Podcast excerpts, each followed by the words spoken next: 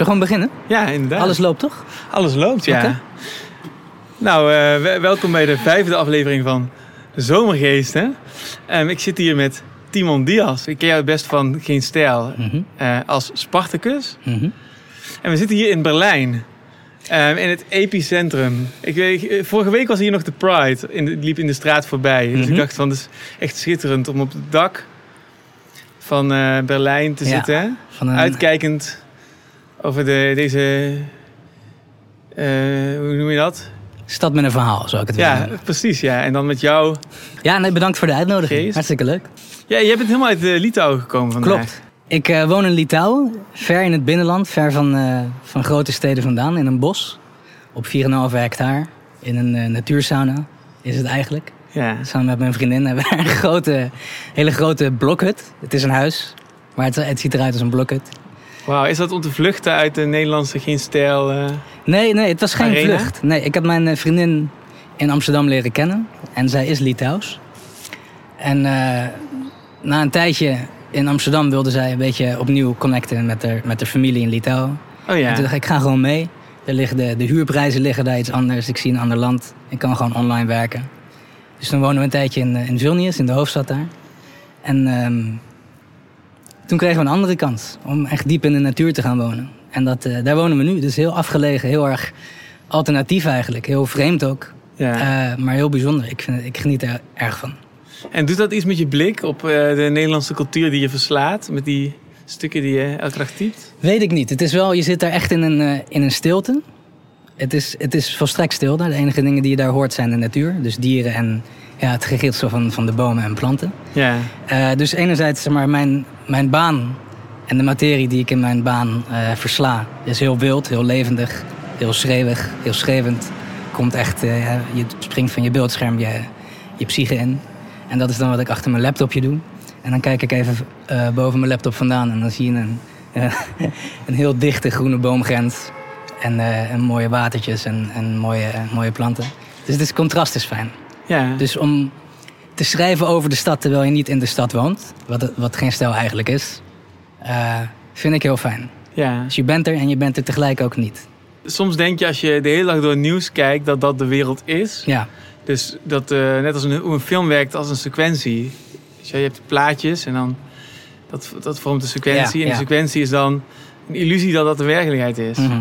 En dat kan natuurlijk ook met die nieuwsgaring zo Ja. zijn. En dan, dan kan je denken, dit is de wereld. En dan sta je in één keer in, zo'n natuurlandschap. En Ja. dat is de, de eigenlijke wereld. ja de, nou, het is een eigenlijke wereld. De stad is natuurlijk ook eh, een eigenlijke wereld. Maar wat, ik dus, wat je net zegt over die sequentie, dat had ik eigenlijk ook al toen ik nog in Amsterdam of in Vilnius woonde.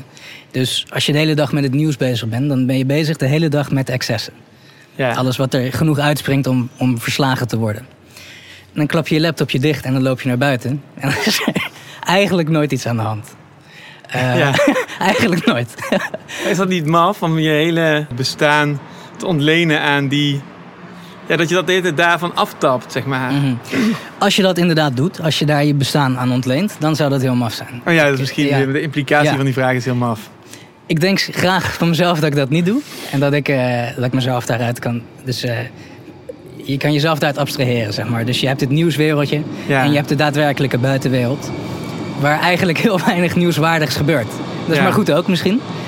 Ehm, maar ja, daar, Er rijdt af en toe een tram voorbij. ja, nee, of leuk. metro. Dat is dan. De, de U8 is dat. Ja, dat illustreert wat Ja. er, dat er af en toe iets gebeurt in de wereld. Ja, precies. Maar is, het- is het Ik heb van nieuwswaardig? Stefano Keizers geleerd dat je je omgevingsgeluid moet meenemen in het gesprek. Mhm. Omdat je anders de behoefte voelt om het weg te knippen. Dus Ah. nu, nu maak ik de, het even weer meta. En dan denk je, oh, dat doen die, die metrogeluiden af en toe. Dat zijn niet stoorzenders. Nee, dat Mhm. zijn kleine reminders dat Mhm. er af en toe iets gebeurt in de wereld. Ja. Nou, ik zat net op de metro. Ik, was nog even ik ging even ontbijten in, in de stad. Ja. En ik stapte uit en ik denk wat ik toen zag was een Britse toerist.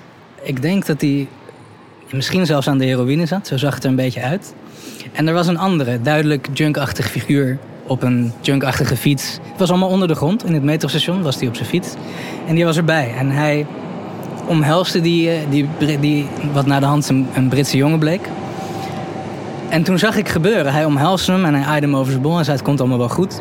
En tegelijkertijd haalde hij of een ketting of zijn, zijn earset haalde hij zo van zijn hals af. en nam die mee. En toen fietste die weg.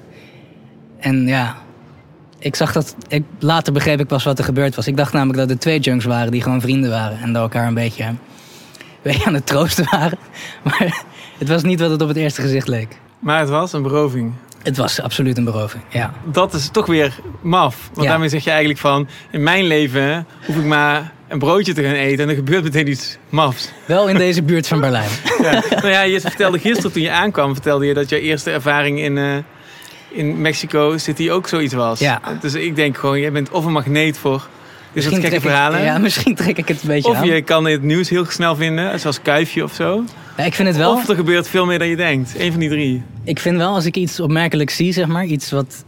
eh, een, een, junk of een ontluikende vechtpartij of iets in die Ja. dingen. Dan vind ik het wel leuk om even iets dichter naartoe te lopen. En even kijken wie dat precies zijn en wat er allemaal Ja. gebeurt. In plaats van meteen door te lopen. Ik, ik, ja, denk, misschien trek je het daarmee aan, weet ik niet. ik, ik vind meteen iets, iets interessants, omdat ik denk dat daar ergens iets van jouw basistalent moet liggen. Dat je toch daar oog voor hebt. Want je moet toch dat nieuws bijhouden. En, en jij, jij bent dan toch iemand die wel dingen ziet. Ja. Die anderen misschien over het hoofd zien snel of zo. Je, moet, je, hebt, je hebt een soort blik nodig op het nieuws. Waardoor je denkt, dit moet ik hebben, dat moet ik... Weet je wel, toch? Misschien. Ja, je weet wel wanneer iets het vermelden. Misschien zie ik snel wanneer iets het navertellen waar het gaat zijn. Ja. Ja, dat wel. Ja. Maar over nieuwsgaring gesproken. Van iedereen aan de redactietafel ben ik met afstand de langzaamste daarin hoor. Ik, er zitten jongens naast en tegenover me, die zijn minstens twee keer zo snel. Met, Oh ja. eh, met breaking news zien of de dingen eruit pikken die. eh, Maar ik heb geleerd dat als je, als je wil groeien, dan moet je altijd in je, in je lane blijven. Je moet nooit kijken naar de andere renpaarden. ja, nou, dan raak je afgeleid. Je moet je oogkleppen opdoen en doorrennen. dat doe ik inderdaad kijken al stukjeschrijvers zijn, zijn sneller. Ja, Maar je moet denken, ik ben een stukjeschrijver, ik ben snel. nee, nou, Toch? toen ik bij Geen Stel begon, in 2014 was dat. Ik weet nog goed, mijn allereerste proefdag was dit. En ik, kwam, ik ben psycholoog. Eh, dat was ook, daar heb ik gestudeerd en stage gelopen en gewerkt als psycholoog. En daarna wilde ik iets in de media gaan doen. En toen had ik bij Geen Stel gesolliciteerd, maar ik, ik had helemaal geen media-ervaring. En al helemaal niet met nieuwsgaring. Ik had een beetje ervaring als, als essayist en een beetje opiniestukken. Maar snelle nieuwsstukjes en over het nieuws zelf schrijven had ik helemaal geen ervaring mee. Dus op mijn allereerste dag bij Geen Stijl kwam ik daar binnen. Ik was met de trein vanuit Leiden naar Amsterdam gegaan. Had ik een volkskrantje gekocht bij de kiosk in Leiden. En een notitieboekje. En toen kwam ik met mijn... eh, ja, ik heb toen heel braaf de krant gelezen in de trein. En notities gemaakt van wat er misschien interessant zou zijn om, om iets over te schrijven op Geen Stijl. En ik kwam daar toen binnen op de, op de, op de redactievloer. Met een krantje onder mijn arm, notitieboekje in de hand. en ik dacht, ja, Oh, nou, ik, eh, nu zit ik op een nieuwsredactie. Even kijken hoe dit gaat. En eh, ik kan je vertellen, het ging niet goed de eerste maanden. Ja. Het ging, ik vond het enorm moeilijk. Die jongens, ik werd tegelijkertijd aangenomen met een andere eh, redacteur. Die kwam volgens mij bij RTL of de Telegraaf vandaan. En dat is een van de snelste nieuwsjongens die ik ooit heb gezien. En wij begonnen tegelijk. en ik werd, zo, ik werd er zo uitgeflamed door hem, zeg maar. Hij had dan... Hij was die haas. Jij hij was die, schildpad. Ik was onwijs langzaam. Het, En die, in die allegorie van de haas en de schildpad haalt die schildpad uiteindelijk die haas in, toch? gek genoeg is hij eh, ontslagen eigenlijk. Binnen een paar maanden. En ik zit er nu bijna acht jaar. En waar, waar komt het dan door? Dus, dus een snelle start is dan helemaal niet per se de crux van wat je, waar je, waar, je- wat je moet kunnen. Ik bleef in mijn lane, zoals jij net Ja. zei. Dat, dus ik ben gewoon. Ik begon vooral toen met wat langere stukjes, een beetje achtergrondstukjes. En ehm, misschien speelde ook mee dat ik vrij. Ik weet, het is een beetje raar om over jezelf te zeggen, maar ik ben op zich vrij makkelijk in de omgang. Eh, dat helpt ook Ja. aan een tafel. Is er een macho cultuur daar bij jullie? Of, Nee. of is het gewoon allemaal, iedereen gunt elkaar zijn eigen ja. hoekje? Eh, nee. Hoe werkt dat? Van macho cultuur is. Nee, vind ik geen sprake. Nou ja. Eh, wat het vooral is, is. Ik heb er nooit over nagedacht, maar ik vind het ineens interessant eh, Mhm. Nee, om, te, om te weten ik heb er ook die- nooit in die, in die bewoording over nagedacht. Maar het is zeker geen, geen macho cultuur. Wat het vooral is, bij ons aan tafel, het is de meest vrije redactietafel van Nederland. Misschien zelfs ter wereld. Dat is een beetje een vreemde stelling, maar zo voelt dat. Dus Ja, de stelling is altijd waar als je misschien zelfs ervoor zegt. Ja. Want dat is Ja. misschien ook niet. dat is een heerlijke uitspraak, Ja. toch? Misschien zelfs de allergrootste. Ja. Ja. Trouw, Ja. trouw doet dat toch? Die zijn Ja. misschien zelfs de beste krant van Nederland. inderdaad. Misschien ja. wel, de- ja. Ja, misschien ook niet. Ja, misschien ook niet. Nee, nee het maakt nu al eh, niet meer uit, want Nee, De sticker zit er al op. precies.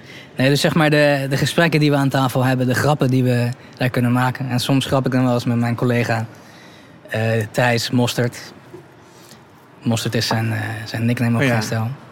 En eh, ja, kan je deze grappen ook maken bij, bij het koffieapparaat op Philips.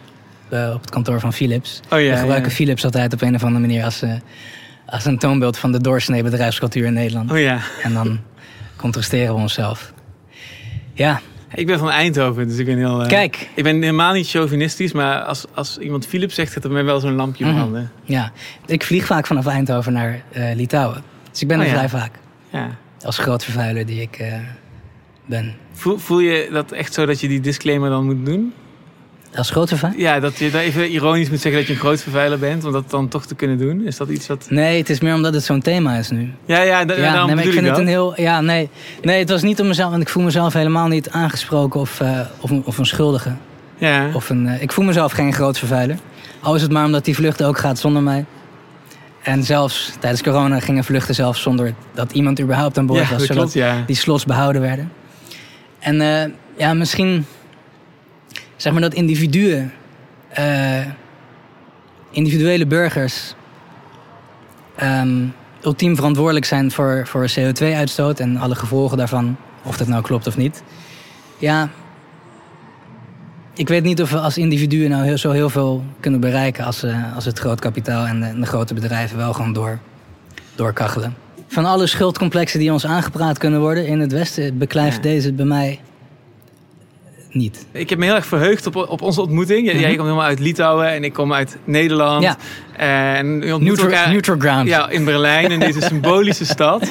Ja. Ehm, en dat een van de dingen waarop ik me verheugde was omdat ik zelf, ehm, dat merk ik de afgelopen twee jaar, en dat kun je helemaal traceren, de vaste luisteraars van mijn podcasts, die zullen dat wel bijna integraal hebben meegemaakt. Dat Mhm. ik een soort 180 graden draai heb gemaakt in hoe ik naar allerlei eh, dingen kijk in de cultuur en in de media en in de politiek. En, Ja. eh, en ik, had, ik heb bij jou, als ik jou, jou eh, volg, dan heb ik de indruk dat jij al veel langer, via geen stijl, maar misschien ook via jouw natuurlijke interesses, in diezelfde verwarring zit met een soort van memo-recorder en daar verslag van legt. Mhm. En daarom dacht ik van, hoe heerlijk zou het zijn om dat, dat zomergasten-idee naar zomergeesten te vertalen op een hele klassieke manier met allemaal fragmentjes, Mhm. maar dan met, met jouw input in jouw hoofd. Mhm. Gisteren heb ik één filmpje gezien wat je hebt geplaatst eh, een aantal jaar geleden over de, de Old Continent. Mhm. Dat is een, een PR-filmpje van drie, vier minuten. En daar komt als een stroboscoop komen er Ja. honderdduizenden culturele referenties op me af. Ja. En toen dacht ik, dit is, dit is volgens mij een soort van eh, jouw hoofd. Dat En, was eh, en toen dat- mijn hoofd. Ja, Ja, precies. absoluut. En, en dat wordt voor mijn gevoel het... eh, ja, waar we over kunnen praten. Of Ja. wat je eigenlijk wat je nu al zegt van dat was of dat is. Mhm. Of, dus een beetje terugkijken en een beetje naar het nu kijken en een beetje naar de toekomst Mhm. kijken met dat op tafel. Dat is dat eigenlijk eh, waar, waar, waar, waar, waar ja, waar ik het meest, eh, waar Ja. ik naar heel erg naar heb uitgezien. Dus ja. Nou, Beetje een lange, warrige intro weer. Maar ja. Misschien ik iets zeggen? moeten we- Nee, nee, nee. Ik ben vandaag aan het woord. Oké, oké. Dat is dus Isha Meijer die heeft het ooit gezegd. Van in mijn favoriete interview ben ik nog alleen maar aan het woord. Mhm, mhm. Geldt dat voor veel interviewers eigenlijk? Dat ze het liefst gewoon zelf geïnterviewd zouden willen worden? Zou best kunnen. En dat deze hele reeks die je nu doet... vooral een sollicitatie is om zelf een zomergast te worden? Nou, ik, ik, ik, ik zie het sowieso, of jij nou praat of dat ik nou praat. Ik zie het altijd toch als een, voor een deel een zelfportret wat ik Mhm, maak. ja. Via de blik van het andere. Ik probeer iets uit jou te halen wat eigenlijk net zo goed op mij afstraalt of over mij gaat. Mhm. Dus wat ik net allemaal zeg, dat geratel. Dat, dat, daarmee illustreer ik volgens mij een storm in mijn hoofd. Mhm. En ik, ik denk dan bij jou van, Ja, help mij, red mij, vertel Ja. me hoe het zit. En da, daar ben ik dan benieuwd naar. Dus dat is de Ja, nou, kick-off. moet ik je wel teleurstellen. Hoe het zit, dat weet ik absoluut niet. Ja. Ik weet niet hoe dingen werken. Maar ik eh, kijk er wel elke dag naar. We gaan beginnen met de Old Continent.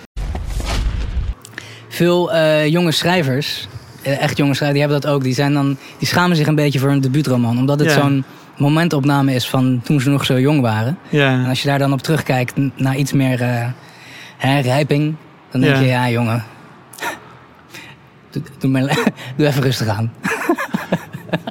Dat denk je als je Zo kijk ik hier nu naar terug. Ja. Oh, wat heerlijk. Maar ja. Ja, ik heb het is nog steeds Wietse Koetsen, shout-out. En een hele strakke trailer.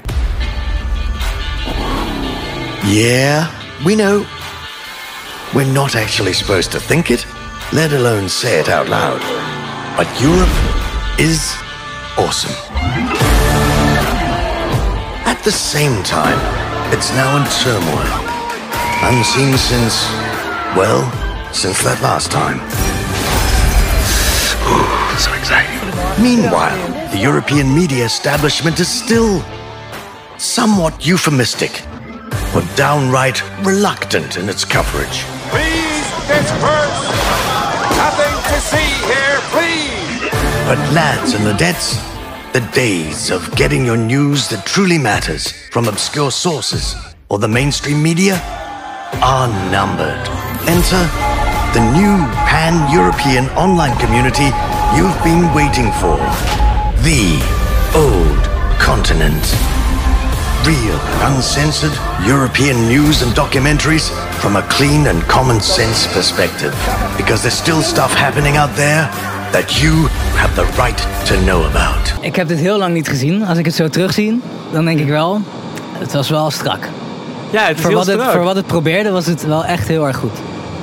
Als ik dat mag zeggen over... Ja, eh, maar dat is, ik maar dit vind is ook zo, wat ik denk ik, wat ik denk zo, wat ik, 13 maart 2018. Dus is, ja, 2018, vier jaar geleden. ja, Langer dan vier jaar ja geleden. 4,5. Ik vind het zo grappig, die, die paar momenten bijvoorbeeld, die, die flitsen van Demolition Man en eh, hoe heet die ook weer, de, de Naked Gun. Die, eh, weet je wel, of dat... Dat was niet Dem- dat was Blade. Oh ja, oké, maar in ieder geval... Ja, oké, ik herken ze niet allemaal, dat klopt. Dacht dat jij in cultuur geïnteresseerd was. eh. ja, maar ik bedoel, er zit een soort van gekke mix van al die popculturele referenties en Ja. dan die grote onderwerpen en dan die analyse Ja. van hoe het is en hoe het zou moeten zijn Ja. en wat het niet moet zijn. Het allemaal in één, gewoon in één pot en helemaal door elkaar. Ja, dit was wel mijn... eh, ja, hoe zeg je dat? Ik ben soms iets wat, iets wat, iets wat manisch van insteek. Dus dan probeer, als ik echt iets probeer, dan wil ik het, dat- het alomvattend is, zeg maar. En dat, dat, ik denk dat ik daar net ook even naar verwees. eh debuutauteurs, die proberen dat volgens mij ook vaak met hun eerste boek. Ja, Zeker mannen. ja. Dat een, een, eh, een debuutroman moet een, een alomvattende eh, eh, document van de tijd zijn. Ja. Eh, Een het, kolossale... het, moet- het eerste boek moet eigenlijk het boek zijn dat literatuur overbodig maakt. Dat is hoeveel, nee, maar dat is hoeveel jonge schrijvers erin staan. Ja, klopt, ja. En Ik ben ook gedebuteerd, dus ik ken het gevoel. ja, je kent dat ook een beetje. Oké. Geldt dat voor jou? Ja, zeker. Ja. Hmm. Die, wil, die wil inderdaad dat... een- Nou, niet dat de literatuur overbodig maakt, maar wel dat, dat ene ding wat... Ja. Of nou, het is literatuur en jouw werk. Dat staat er dan. Dat had ik hierbij ook een beetje. Dus het moest dan het. En ik denk nog steeds dat voor die tijd, voor 2017, 2018, dat dit was zeg maar een van de beste vertalingen van dat nieuwrechtse geluid, die behoefte die er was. Ja. Dat denk ik nog steeds wel. Ik heb het, we hebben het een tijdje gedaan met mijn team, maar ik heb het uiteindelijk niet van de grond gekregen. En wat ik eh, eerder ook al een beetje zei, dat heilige vuur dat nodig is om zo'n toch wel manisch project te, te trekken en te blijven trekken, eh, dat doofde. En toen heb ik het eigenlijk laten, laten versterven. De website is ook niet meer online. Oh. Ik heb geen zin meer om de, do- domein, eh, de domeinkosten te betalen. Eh, ja, soms moet je dingen gewoon uit laten doven. Ja. Ik merk dat eigenlijk sowieso de laatste, aan alle vijfde afleveringen vind ik het interessant om eerst even een klein beetje de veldschetsje te maken van ja, met wie ben ik aan het praten. Dus daarom moet ik natuurlijk hier aan denken. Ja, Want ik denk, dit ja. zegt iets over wie jij bent. Je, je zegt aan de ene kant, ik ben psycholoog. Eh, je schrijft die, eh, voor geen stijl. En je hebt deze, dit ambitieuze project eh, aangevlogen. Mhm. En ja, dat, dat, dat bij elkaar Ja. zegt iets over wie, Ik, ja, dit is, bent? er ligt heel veel materie ligt er op tafel. Ik probeer het een beetje te ordenen in mijn hoofd, zodat we er iets, Ja. iets mee gaan kunnen. Maar als jij, zou- als jij helemaal het roer zou nemen en heel ergens anders zou beginnen, Nee, zou, nee, zou ik, zou, ik denk dat, om hier leuk op in te haken, zeg maar... De premisse van dat filmpje is, Europe is awesome. Ja. Ja, daar ben ik ook een beetje van afgestapt eigenlijk. Oh ja. Ehm, ik denk dat corona daar veel mee te maken heeft. Eh, hoe dat allemaal hoe dat aan is gevlogen en het, het cultuurtje dat toen ontstaan is rond, eh, ja, rond al dan niet gevaccineerd zijn. Dat eh, ja, vond ik he- heel bevreemdend. Het is nu gelukkig zomer, maar hier in Berlijn is het trouwens weer verplicht. Je moet die, die Klopt, ja. medische mondma mondkapjes klopt, moet je ja. dragen. Ja. Wat interessant is, is dat corona heeft het hele speelveld eigenlijk opnieuw door elkaar gehusseld. Dus vroeger had je een beetje hè, dat TOC-achtige eh, nieuw rechts. En dan iets verder daarvan zat je nog Breitbart en zo. En die waren dan tegen, tegen de massa-immigratie. eh, tegen de, ja, heel kritisch op alle problemen die rond integratie eh, ontstaan. En volgens mij is er iets veranderd in het speelveld door corona. Dus nu heb je eigenlijk een, is er een soort nieuwe alliantie is er ontstaan tussen, als we het op Nederland betrekken, eh, de Mokro's, de SGP'ers, de FVD'ers en de, de yoga community. Een deel van de yoga community. Oh ja. Dat is een nieuwe vleugel geworden die elkaar op een of andere manier allemaal gevonden hebben. Tegen ehm, ja, het meer gangbare eh coronanarratief van toen. Ja. En ik denk nog niet dat dat helemaal hersteld is. Of dat het, het is nog niet terug naar het oude, zeg maar. En de herfst staat nu ook weer voor de deur. Wie weet wat het gaat brengen. Dus het voelt zeg maar alsof het speelveld van 2018 niet meer in die vorm bestaat. Het is een ander speelveld geworden. Ja. En daarbij, 2018, maar eigenlijk iets eerder, 2015, toen was het, hè, toen was het heel leuk om tegen woke te zijn. Ja. Ik vond woke toen al een verschrikkelijk woord. Nu vind ik het helemaal verschrikkelijk. En wat je, zo, wat je nu eigenlijk ziet gebeuren is dat... ehm, ja, je had toen woke en dat was toen was die hele, dat hele bekende drieluik aan de, van de Evergreen Universiteit... over Brad Weinsteins Ja. eh, toestand daar.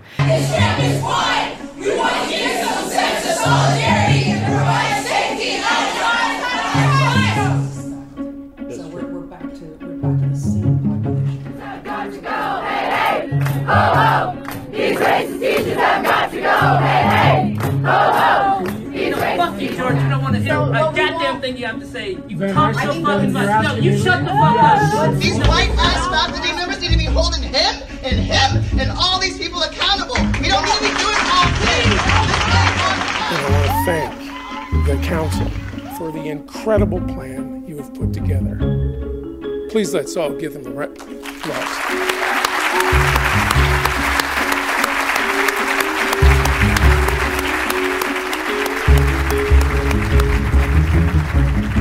Toen dat uitkwam, toen was woke interessant en toen was het ook leuk om er tegen te zijn. En de anti-woke beweging had, eh, had de gevoelde richting van de tijd mee. En daarmee ook de beeldtaal mee. Dus anti-woke, beeldtaal, memes wa- waren leuk. Nu, ja. Ja. hebben de boomers het overgenomen. Nu hebben de boomers het ontdekt. en nou is het gewoon niet leuk meer. Ja, nu is het En gewoon zelfs, even over het woordje boomer, zelfs het woord boomer is boomer. Dus Ja. zel- dat, dat is ook... een beetje dat is ook hetzelfde effect, ja. ja. Dus je, Ja, dit is nog niet- Je had er vanmorgen even over dat het een beetje cringy is om überhaupt het woord woke in de mond te nemen. Hè? Dat Ja, is een soort van... They're late to the party. Ja, je- dit was in je een beetje- 2016, 15 Ja. was het leuk.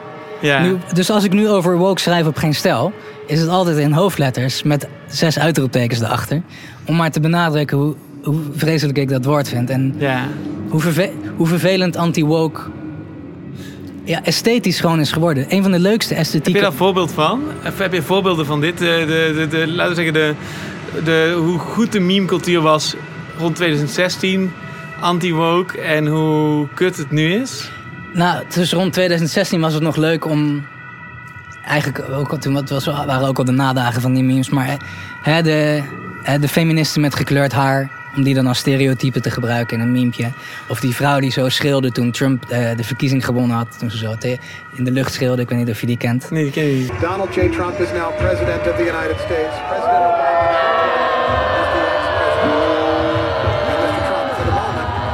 Dus dat was toen leuk. Wat nu, in mijn ogen, een van de leukste online aesthetics, online esthetieken is, is linkse ehm, ridiculisering van hoe cringy anti-woke eh, memes en anti-woke bewegingen zijn. Dat, dat, dat is waar het nu leuk is.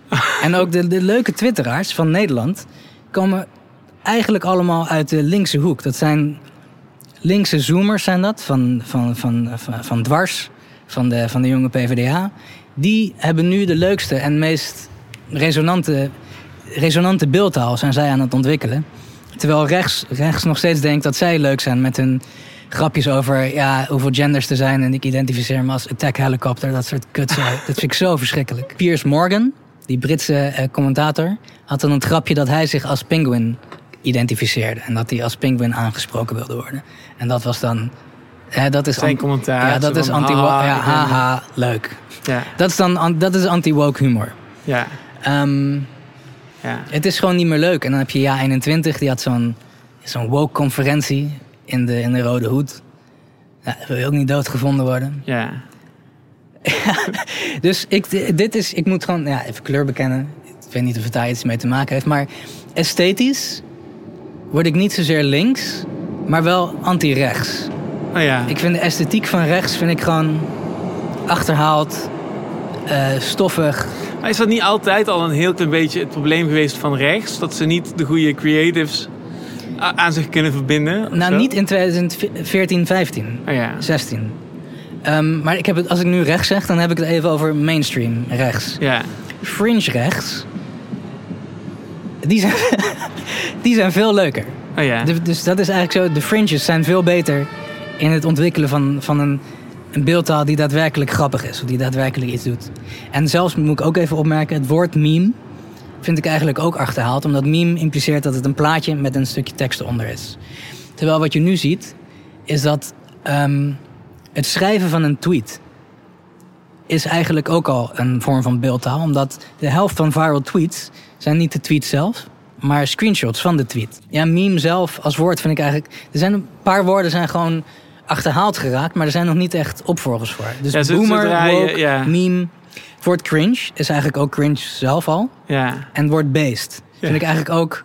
Alleen in de fringe communities werkt dat nog een beetje. Ja.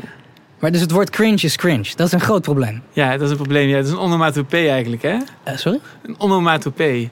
Wat dat de betekent- klank en de betekenis eh, hetzelfde zijn. Dus bijvoorbeeld plons Oké. is een onomatopee. Oké. Want plons maakt een plons geluid Ja, ja. en dan zit het gewoon helemaal Aha. zelf hinkstapsprong. Aha. Oké. dat zijn de klassieke onomatopeeën. En Ja. cringe is dus ook Ja, cringe. nee, dus het woord cringe ja, ik, is wel cringe. Ik, ik schaam me alweer dat ik het niet nee, al dat twee snap Maar we, hier kunnen we, het er gewoon, Ja. kunnen, we er gewoon, Ja. kunnen we er gewoon op reflecteren. En hetzelfde, boomer. Het, Ja. Als je hè, iemand een boomer noemt, dan is dat al cringe. Ja, maar- maar het cringe noemen is ook cringe. Ik vind En iemand boomer noemen is ook cringe. sowieso een probleem afschuiven op een hele generatie... Vind ik ook heel analytisch altijd heel zwak. Ja, Je zegt, oké, boomer. ja maar dat was ook twee maanden leuk. Ja. Dus dat zijn grote, dit zijn de grote problemen waar ik mee worstel. Wat, wat lastig is aan, aan boomer is dat het een, het is een, het is een afkorting van babyboomer. En een babyboomer is iemand die in een generatie vlak na de oorlog geboren is. Omdat na de oorlog ineens iedereen natuurlijk kinderen kreeg, want toen kon het weer. Ja. En dus dan ga je alleen maar jouw agressie richten op het feit dat je te maken hebt met een onomwonden meerderheid van mensen. Want daar gaat het om. Een boomer is gewoon een grote groep mensen. Ja.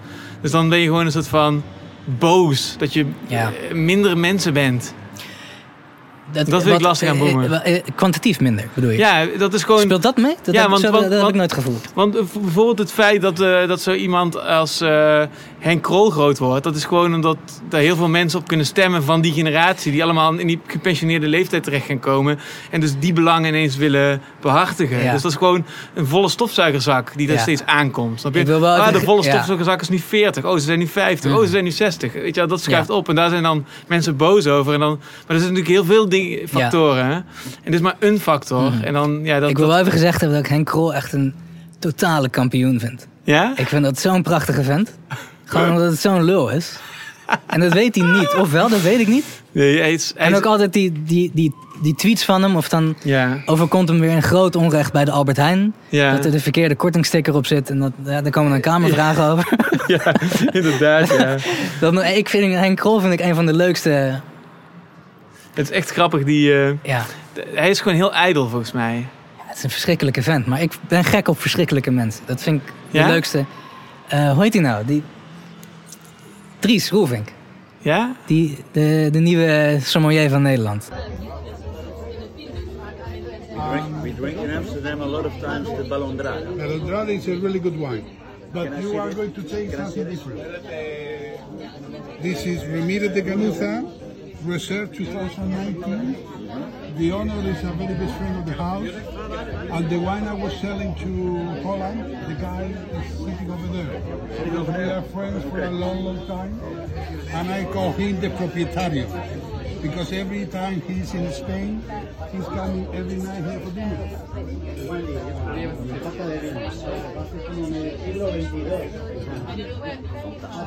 And he's not brother. Senor, muchas gracias. Thank you very much. Keep enjoying. Op TikTok zit hij altijd wijn te proeven. En het is altijd, het is altijd de lekkerste fles die hij ooit heeft gehad. En dan met heel veel theater en, en schwung wordt dat dan naar de, op zo'n irritante Nederlandse manier. Dat, dat, is, dat is Nederlands theater. Hoe heel middelmatige mannen zich even heel groot kunnen voelen tegenover een ober. Het liefst een Oh ja. vrouwelijke ober. Dat vind ik een van de mooiste vormen van Nederlandse middelmatigheid die er is. En Dries Roelvink belichaamt dat beter dan wie dan ook. En ik vind dat fantastisch. Oh, wat grappig. Ja, dat vind, ik, dat vind ik heel leuk. Ik wil nog even terugkomen op wat je zei over boomers. Dat het een, Ja. een kwantitatief ding is. Dat heb ik eigenlijk nooit gevoeld. Want het probleem is dat het er meer zijn. Het probleem is vooral dat ze meer hebben.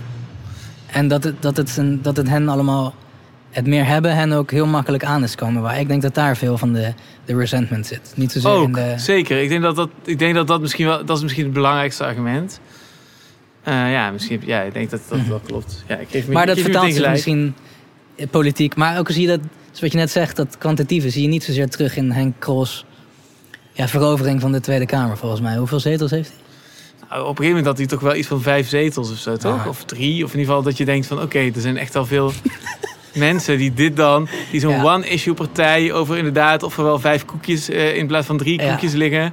Nee, eh, weet- belangrijker ja. vinden dan hoe al die andere politieke dingen geregeld worden. Ik weet nog, ik denk dat dat nu drie jaar geleden was. Zinnig, toch? De, de, de presentatie van Henk Krols nieuwe partij. Het was al Oh, ja. zijn vierde volgens mij in, in, in twee maanden. En dat werd dan gepresenteerd. En er waren dan drie mensen, waar twee waren van de organisatie. Ja. En dat liep dan, zo'n zo'n Facebook Ja. livestream. En dan, ja. ja, dat vind ik genieten. Ik vind, hè, waar Nederlanders zo goed klein in kunnen zijn, dat vind ik fantastisch. Ja. Was dat niet die, die keer dat dan eh, die gast dat lied tien keer probeerde in te zetten... en dat het in steeds halverwege onderbroken moest worden? Klinkt als een eh, Henk Krol conferentie, ja.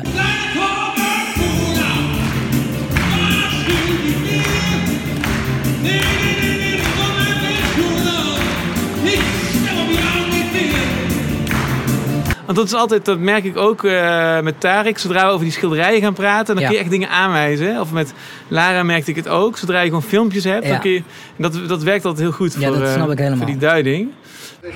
Donald J. Trump is now president of the United States. President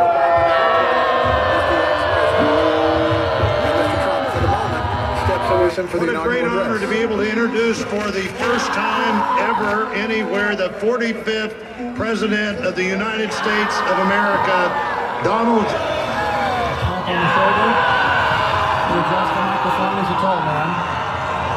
En waarom is het grappig? Dat is eigenlijk misschien grappig om die vraag even te stellen. Wa- wa- wat is, wat is wa- nou- dit- waarom is dit nou zo grappig? En waarom moeten we allebei lachen? Waarom ik de nog belangrijkere vraag vind, waarom is het nog steeds grappig? Want, ja, want ik dit, nu- is nog geen, dit is nog niet echt dood, zeg maar. Het is oud, maar het is nog steeds wel gewoon lachen. Ja, en, en hoe komt dat? Het is wel de allereerste keer dat zeg maar, het vrij gangbaar was om publiekelijk dit soort emoties te tonen. Het is Ja. natuurlijk ook, het is ook performative. Het is niet alleen maar puur verdriet en dit is wat ze voelt en ze moet dat uiten. Het is ook heel veel ideologische uitingen zijn performative Ja. trouwens, maar ja, waarom is het grappig? Ja, omdat je op de achtergrond hoor je ook Well, please welcome the 45th president of the United States, Donald Trump. Wat natuurlijk ook al een vrij hallucinante gebeurtenis was. Ja. Ik vind het nog steeds fantastisch. Ik ben heel dankbaar dat ik die vier jaar politiek bewust mee heb kunnen en mogen maken. Ik, ik kijk daar nog steeds eh, met enige weemoed naar terug. En hoe komt dat? Omdat gewoon elke dag was het een, een shitshow. Zodra die man wakker werd, werd weer het oorlog op elk denkbaar front verklaard. Het was een, een, een Amerikaanse president die zelf tweette. Dat is nagenoeg ongehoord. Alle presidenten hebben communicatieteams die dat voor hen doen. Een tweet wordt gedraft. Daar kijken 50 mensen naar die daarvoor doorgeleerd hebben hoe die tweet gaat vallen onder responsgroepen. En dan wordt er misschien een keer op cent gedrukt. Donald Trump is de complete antithese van dat. Die man wordt wakker, op mijn telefoon. Eh, ja, wie is er vandaag verschrikkelijk? En dan, ja, en dan wordt een, een, nieuw, een nieuw frontje geopend. Ja. Ik weet ook nog, dat kom er nu even te boven. Toen bezocht hij voor het eerst Londen. Hij was de president en hij bezocht Londen. En drie minuten voordat Air Force One daar landde, tweette hij dat de mayor of London is the worst mayor ever. En er kwam daar een hele verhaling over, eh, vertelling over hoe, hoe erg Sadiq Khan, de, de toenmalige president van Londen, was. Dus, oh, ja, ik, in mijn hoofd ging dat dan zo. Eh, piloot, ja, waar landen we vandaag ook alweer? Ja, Londen. Oké. En dan zo. Opzoeken wie de, presi- wie de, Maar ik wie de burgemeester van Londen was en dan die de huid vol. Gewoon voor de fun of it. Maar ook, ik kan me voorstellen dat er eerst nog een twee seconden realisatie zit van... Oh, gaan we daarheen? Nee. Dat je dan bedenkt, ter plekke van... Oh, ik vind dat zo'n lul. Ja, precies. Ik ga het gewoon zeggen. Ja, Ik nee, ga het gewoon... het, het feit dat er een Amerikaanse president was die zonder enige, zonder enig decorum en filter Ja. en adviseursteam om hem heen met de buitenwereld communiceerde, dat is volstrekt uniek. Maar en hoe komt het dat, jij, dat jouw interne respons niet deze respons was van die vrouw? Van nee! Maar dat je denkt van wow, eh, En mijn reactie op zowel de verkiezing van Donald Trump als zijn hele presidentschap zijn eigenlijk nog steeds verheuging. Ik vond het eh, een van de mooiste dingen die ik ooit heb zien ontvouwen. En hoe komt dat? De- Kun je dat verklaren? Omdat ik, zeker waar ik nu ben in mijn leven, ik vind. Dat klinkt heel zwaar trouwens, sorry. Maar gewoon hoe ik me nu voel. Eh, ik vind esthetiek en plezier vind ik veel belangrijker dan ideologie. Ja. Eh, en ideologie is natuurlijk ergens ook wel. Ja, je hebt een bepaalde voorkeur of een bepaalde hang ergens naartoe. Ehm, maar zeg maar. De esthetiek van de hele Trump-era. De waanzin daarvan. En ook de echtheid van Trump daarin. Tegenover zeg maar. Hè, het. ehm, ja, Trump was gewoon een one-man army. Die dat is ongefilterd op zijn telefoontje.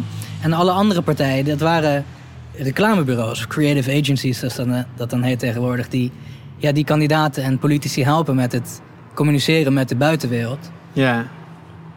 Het, is het, het verstikkende van dat eh, consultantspolitiek, zeg maar. Ja.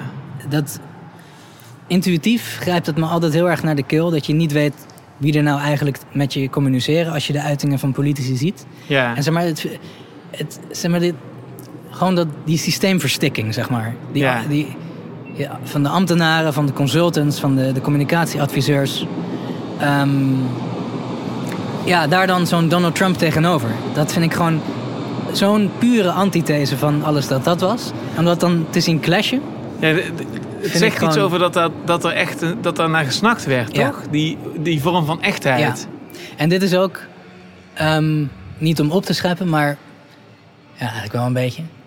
Eh, op geen stel waren we misschien wel het enige platform dat als kop van een artikel eh, de dag voor de verkiezingen had Trump gaat winnen. Gewoon niet gaat Trump winnen, vraagteken, maar Trump gaat winnen. Dus de reden dat ik eh, zo stellig aandurfde dat Trump ging winnen in 2016 was omdat de kwaliteit en kwantiteit van fan-made films dus niet door grote Hollywood productiemaatschappijen en teams met heel veel geld, maar jongens die in hun eentje achter een computer zaten met wat editing skills en die de mooiste, meest opzwepende, meest eh, invigorating Trump-video's maakten. Dat vertelde mij dat er iets leefde, zeg maar, wat, waar opiniepeilers niet zozeer bij kunnen. Ja. Het is zo'n onderstroom in de meme-cultuur waar opiniepeilers ja, geen oog voor hadden. Eh, en ik zag, ja, ik zag de relevantie daarvan wel. En dusdanig dat ik het aandurfde dat Trump zou winnen. Dus En maar, kun je dat verklaren? Waarom, waarom iedereen op dat moment dat mist? Ik, ik weet nog wel dat, dat, dat er een soort van slagingspercentage was van 90, 95 procent voor ja, Hillary. ja, toen dat En dus- gangbaar was, publiceerden wij Trump gaat Ja, winnen. dus dat, en hoe- hoe kan dat? Dat, dat, ja, dat zij dat allemaal niet zien. Wat zien ze dan niet? En wat zien jullie dan wel op zo'n moment? Ik baseerde het dus vooral op de, op de energie die je voelde in online subculturen. Ja. En de comments op Facebookpagina's. Zeg maar de topcomments. op- En dan bedoel ik ook alle Facebookpagina's van alle grote nieuwsoutlets. Van Al Jazeera tot MSNBC. Zelfs daar. Zag je dat de comments overwegend pro-Trump waren. Dus dat Oh is ja. eigenlijk waar ik op, dat op baseerde. En ik keek niet naar cijfers.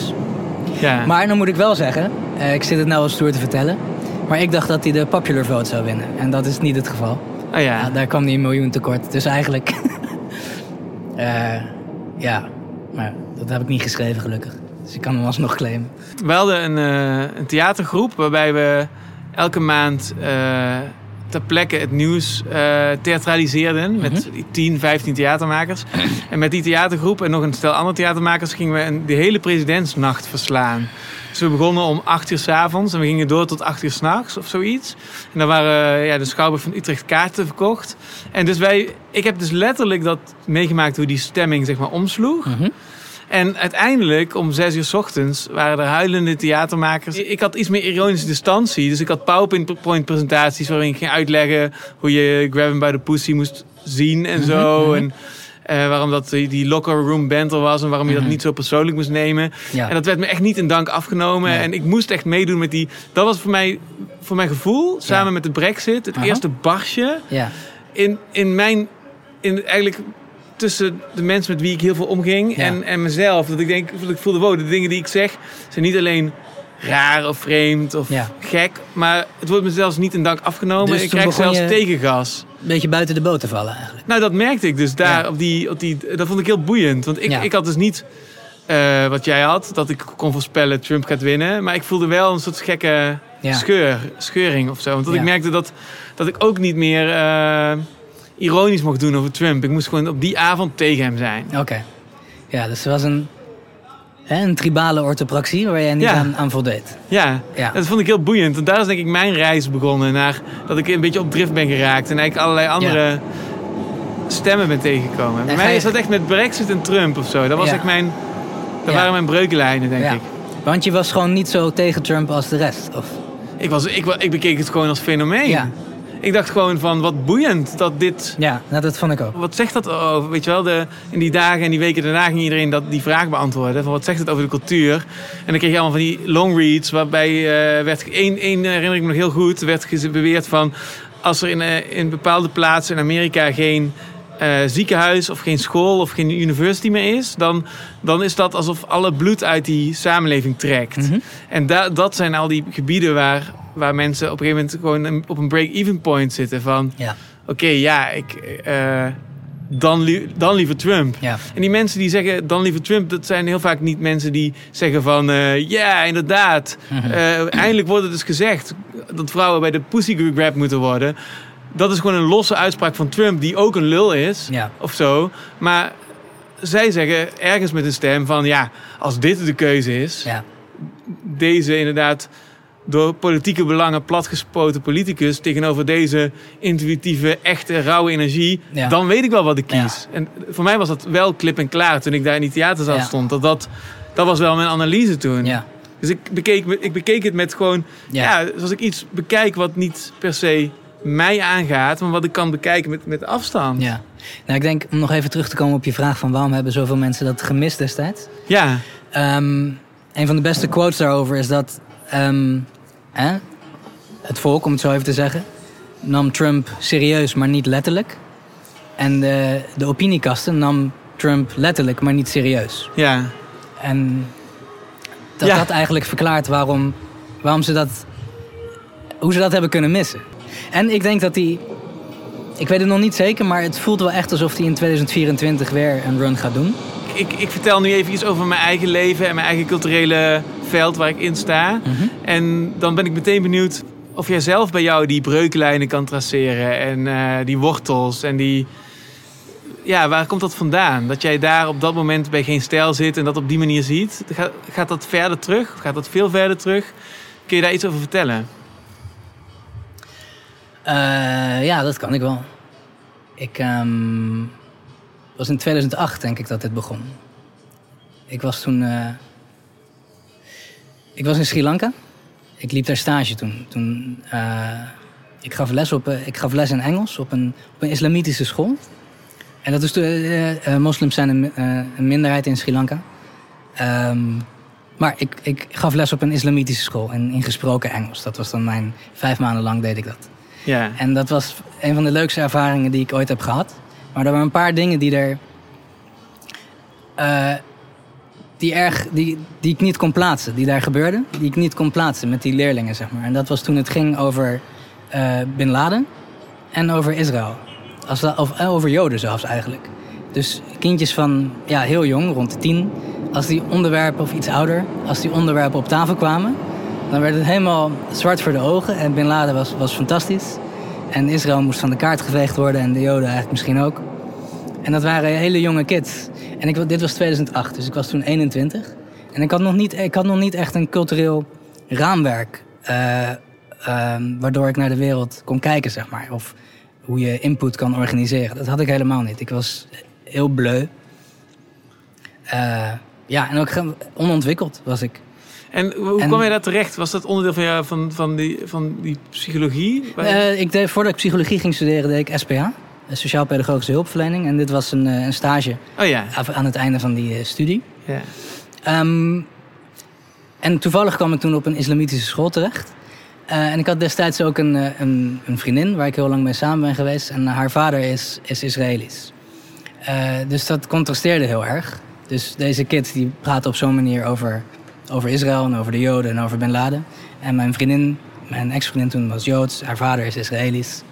Ehm, wat is dit vreemd? Ik dacht dat zeg maar. Ja, ik, hoe ik toen naar de wereld keek, dacht ik dat vijandigheid tussen stammen iets van het verleden was. Ik wist niet dat dat Ja. nog bestond. Ik, ik, ik wist heel weinig van de wereld. Ehm, en toen, eh, toen ik terugkwam van die stage, toen ging ik naar de universiteit en daar ben ik ook eh, islamologie gaan studeren. En Midden-Oostenkunde vakken gevolgd en zo. En toen ben ik ook gaan schrijven. Veel over, juist over Israël. Dat was toen een heel, nu is het een beetje op de achtergrond, maar dat was toen een heel brisant eh, onderwerp waar, ja, de, waar opinies welkom waren, zeg maar, in, eh, in, in, blaadjes en in kranten. En de vader van mijn ex-vriendin, daar heb ik toen heel veel mee gepraat. En die is ook die is psychotherapeut, trouwens. Ehm, en hij was heel geopineerd in dat thema. Dus daar heb ik veel, eh, ook wel veel door beïnvloed. Dus zeg maar door die ervaring op de islamitische school... ik probeer het een beetje aan elkaar te knopen in mijn hoofd. Dus die ervaring op die islamitische school... en een vrij rechtse Israëlische eh, toenmalige schoonvader... die twee dingen die, bego- die begonnen eigenlijk eh, ja, een invloed op me te hebben. Ook twee dingen die eigenlijk haast onverenigbaar Ja, zijn. Of en ja, die- eigenlijk gewoon ja. onverenigbaar zijn. Ja, zeker. En toen ben ik, daarin, in, eh, toen ben ik me daar gewoon in gaan verdiepen. Van hoe zit dat nou met die islam en wat is dat voor een, wat is dat voor een religie? En wat zijn de effecten van ja, de import van eh, grote islamitische gemeenschappen naar Nederland, maar eigenlijk heel Europa. En toen ben ik daar een beetje ingerold. Toen ben ik daarover gaan schrijven. Eh, ik begon ooit bij de...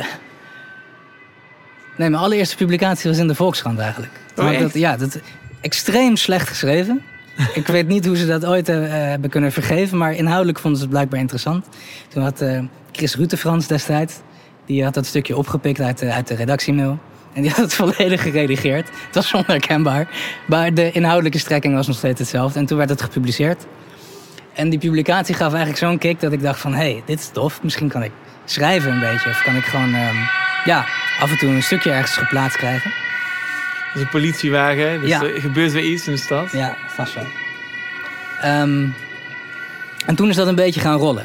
Dus dat was rond 2008. Toen Ja. ben ik eh, een beetje met een iets meer kritische bril naar, de, ja, naar, naar integratieproblematiek gaan kijken.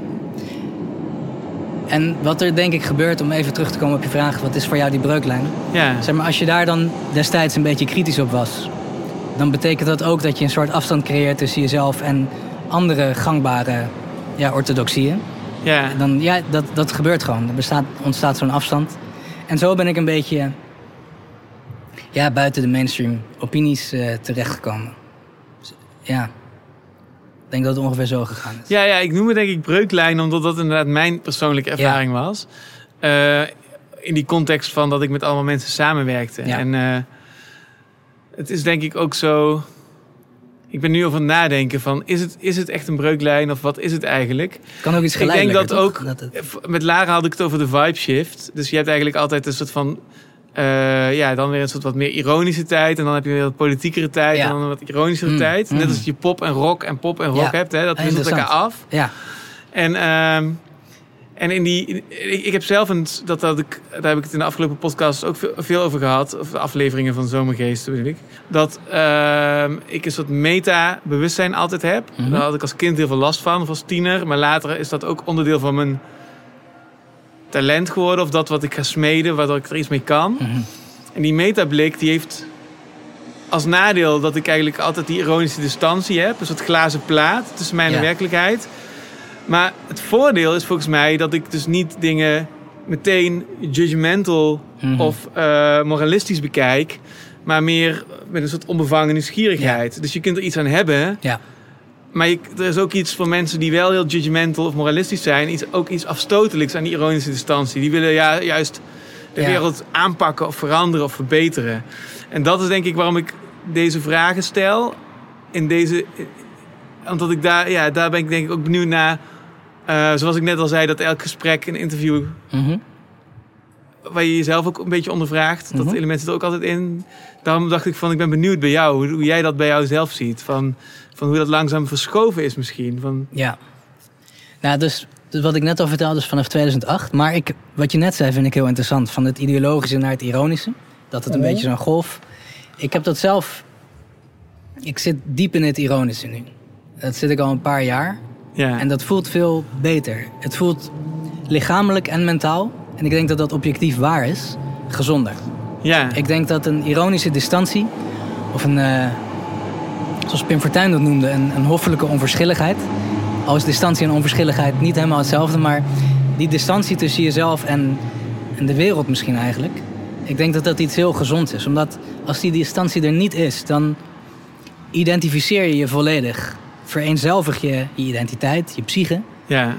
misschien zelfs je ziel als je dat zo zou willen noemen, met een ideologie of met iets moeten vinden van de wereld. Terwijl dat hoeft helemaal niet altijd.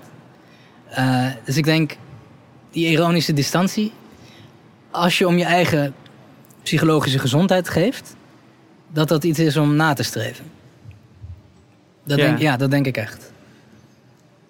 Ja, dat is interessant. Eh, Stefano Keizer zei twee weken geleden van, eh, dat hij zich af en toe een Mickey Mouse voelde die vergroeid is met zijn Mickey Mouse pak. Wat ik een heel mooi beeld vind. en eh, dat zie je dus bij mensen die, Ja, eh, die inderdaad helemaal in die ideologie zitten. Ja. Dan dat, Ja. die identificatie wordt zo sterk dat ze denken dat ze het zijn. Ja. En de reden dat ik dit ook zeg, ehm, is omdat ik daar zelf ook geweest ben. Zeg maar die volledige identificatie met ideologie. Ja. Dat heb ik zelf eh, gehad. En dat was een reden dat ik vrij goed was in het schrijven van ideologisch gechargeerde of eh, hè, spraakmakende stukken.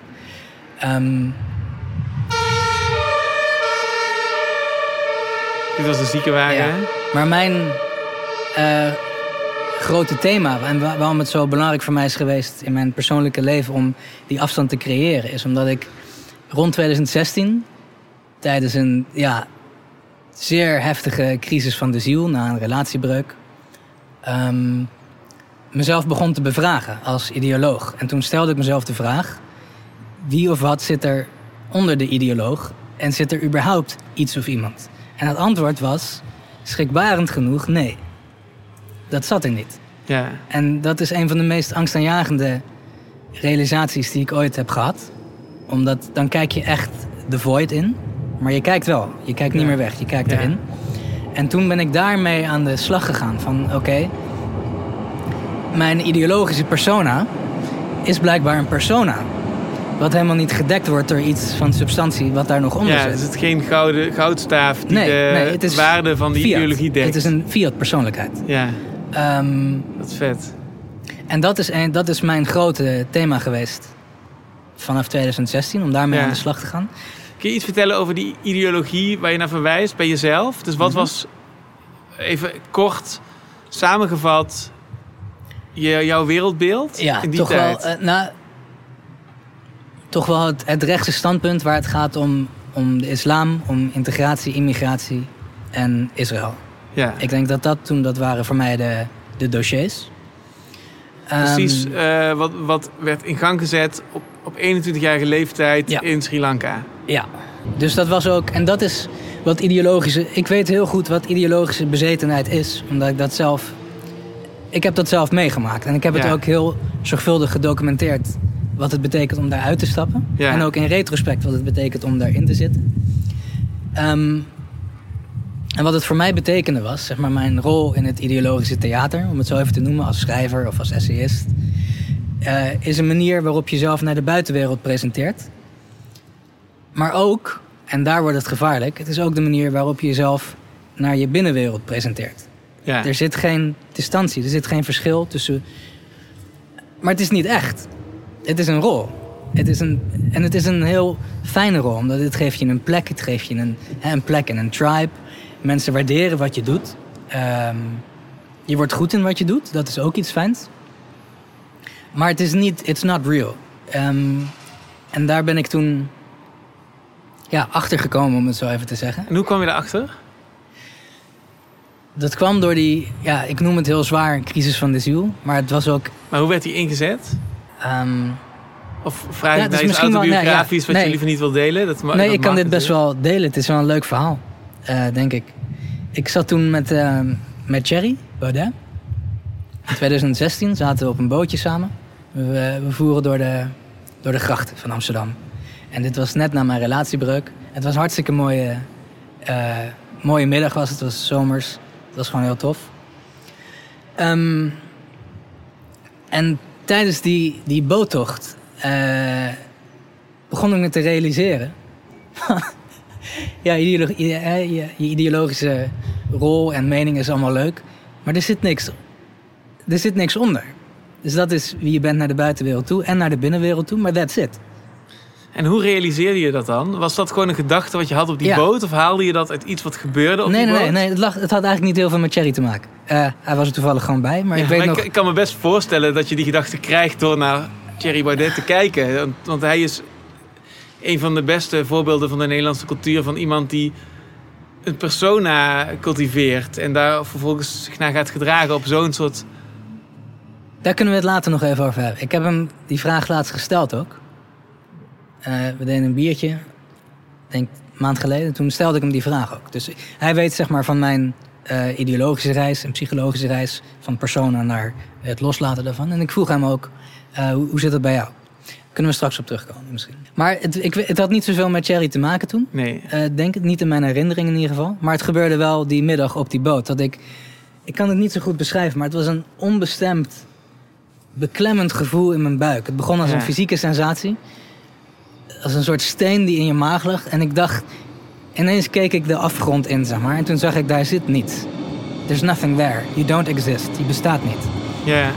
Ik, ken je dat filmpje van Peter de Graaf waarin hij dat helemaal deconstrueert, wat het ego is?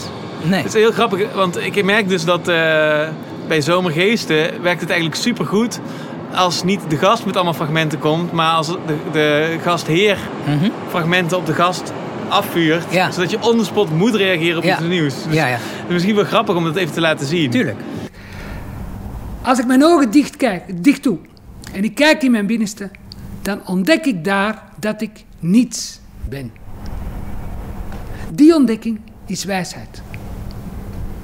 Als ik mijn ogen weer open doe en ik kijk om me heen, dan ontdek ik dat ik alles ben.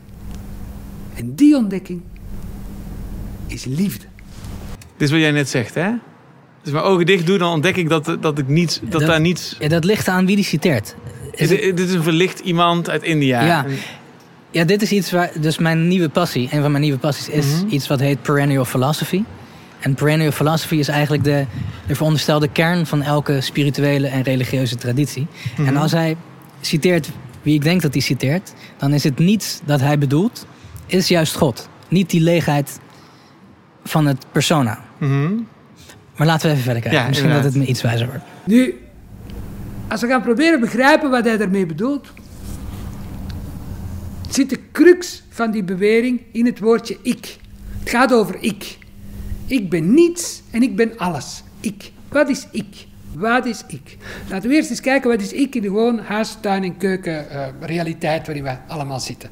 Als ik iemand tegenkom, vraag wie zei jij, dan begint hij met te zeggen, ja, een naam. Ik ben eh, de Jos of de Piet, Maria, eh Angel, ik, een naam. En dan, ja, vertel eens verder, eh, Jos, Piet, Angel, vertel eens door. Dan komt er meestal een beroep. Ik ben daar, ik doe dat voor de kost. Ah, ik ben daar, ik ben tandartsassistent, ik ben, ik ben dingen, IT-medewerker, ik ben zakenman, ik ben beroep.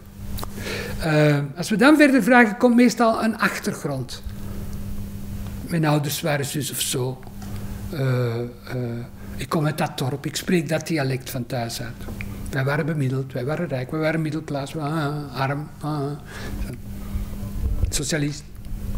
Als we nog verder gaan, dan komen de voorkeuren. Ik, ik ben allergisch voor uh, augurken. Huh? Mag dat niet?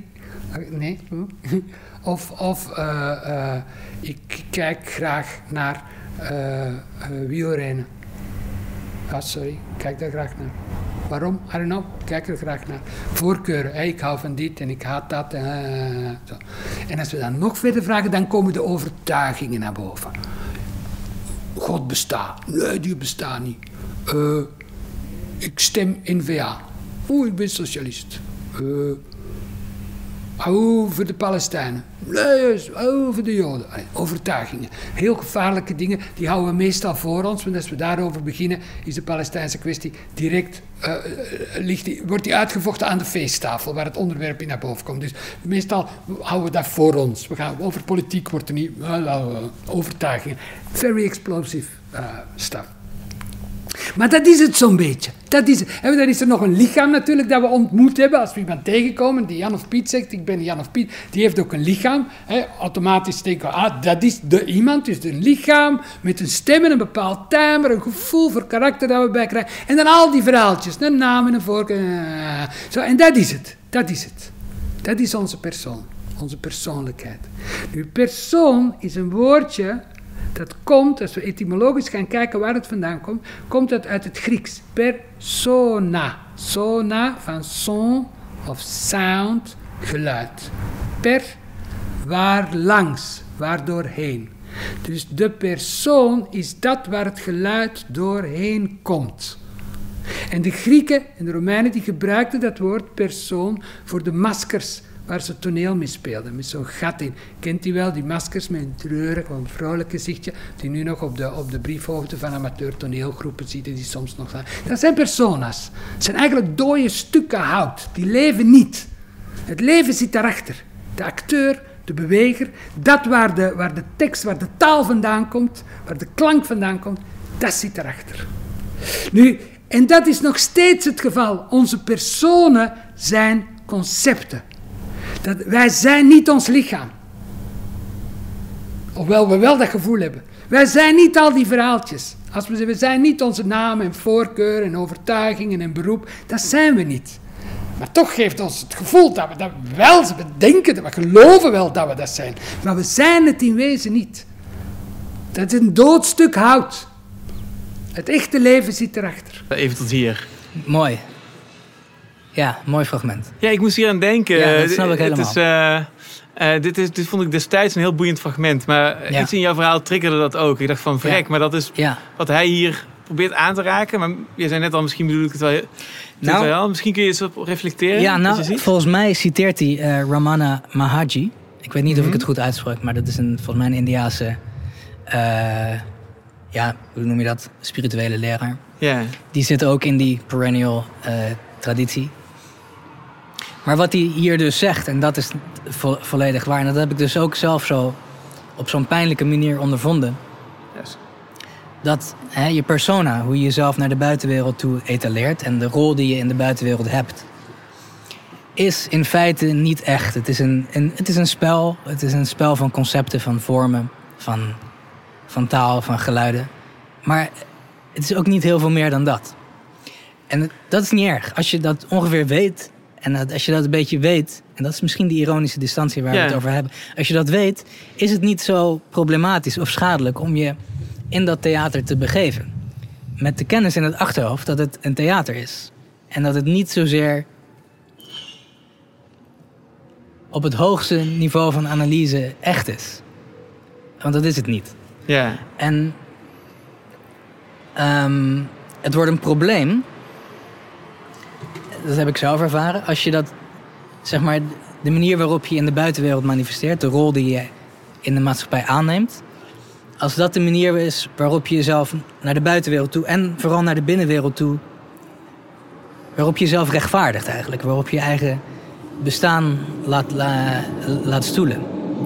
Omdat het niet, e- ja. Het heeft ook iets heel verdrietigs. Als ik daar naar terugkijk, naar die periode van mezelf, het heeft me heel veel gebracht. Het heeft me, mijn carrière is een groot woord, maar het is wel, door, door die periode van ideologische bezetenheid, werd ik zo goed in schrijven en essays en opiniestukken en zo. Waardoor ik uiteindelijk bij geen stel terechtkom, waar ik nu al met acht jaar met heel veel plezier zit. Dus het brengt ook heel veel goeds. Maar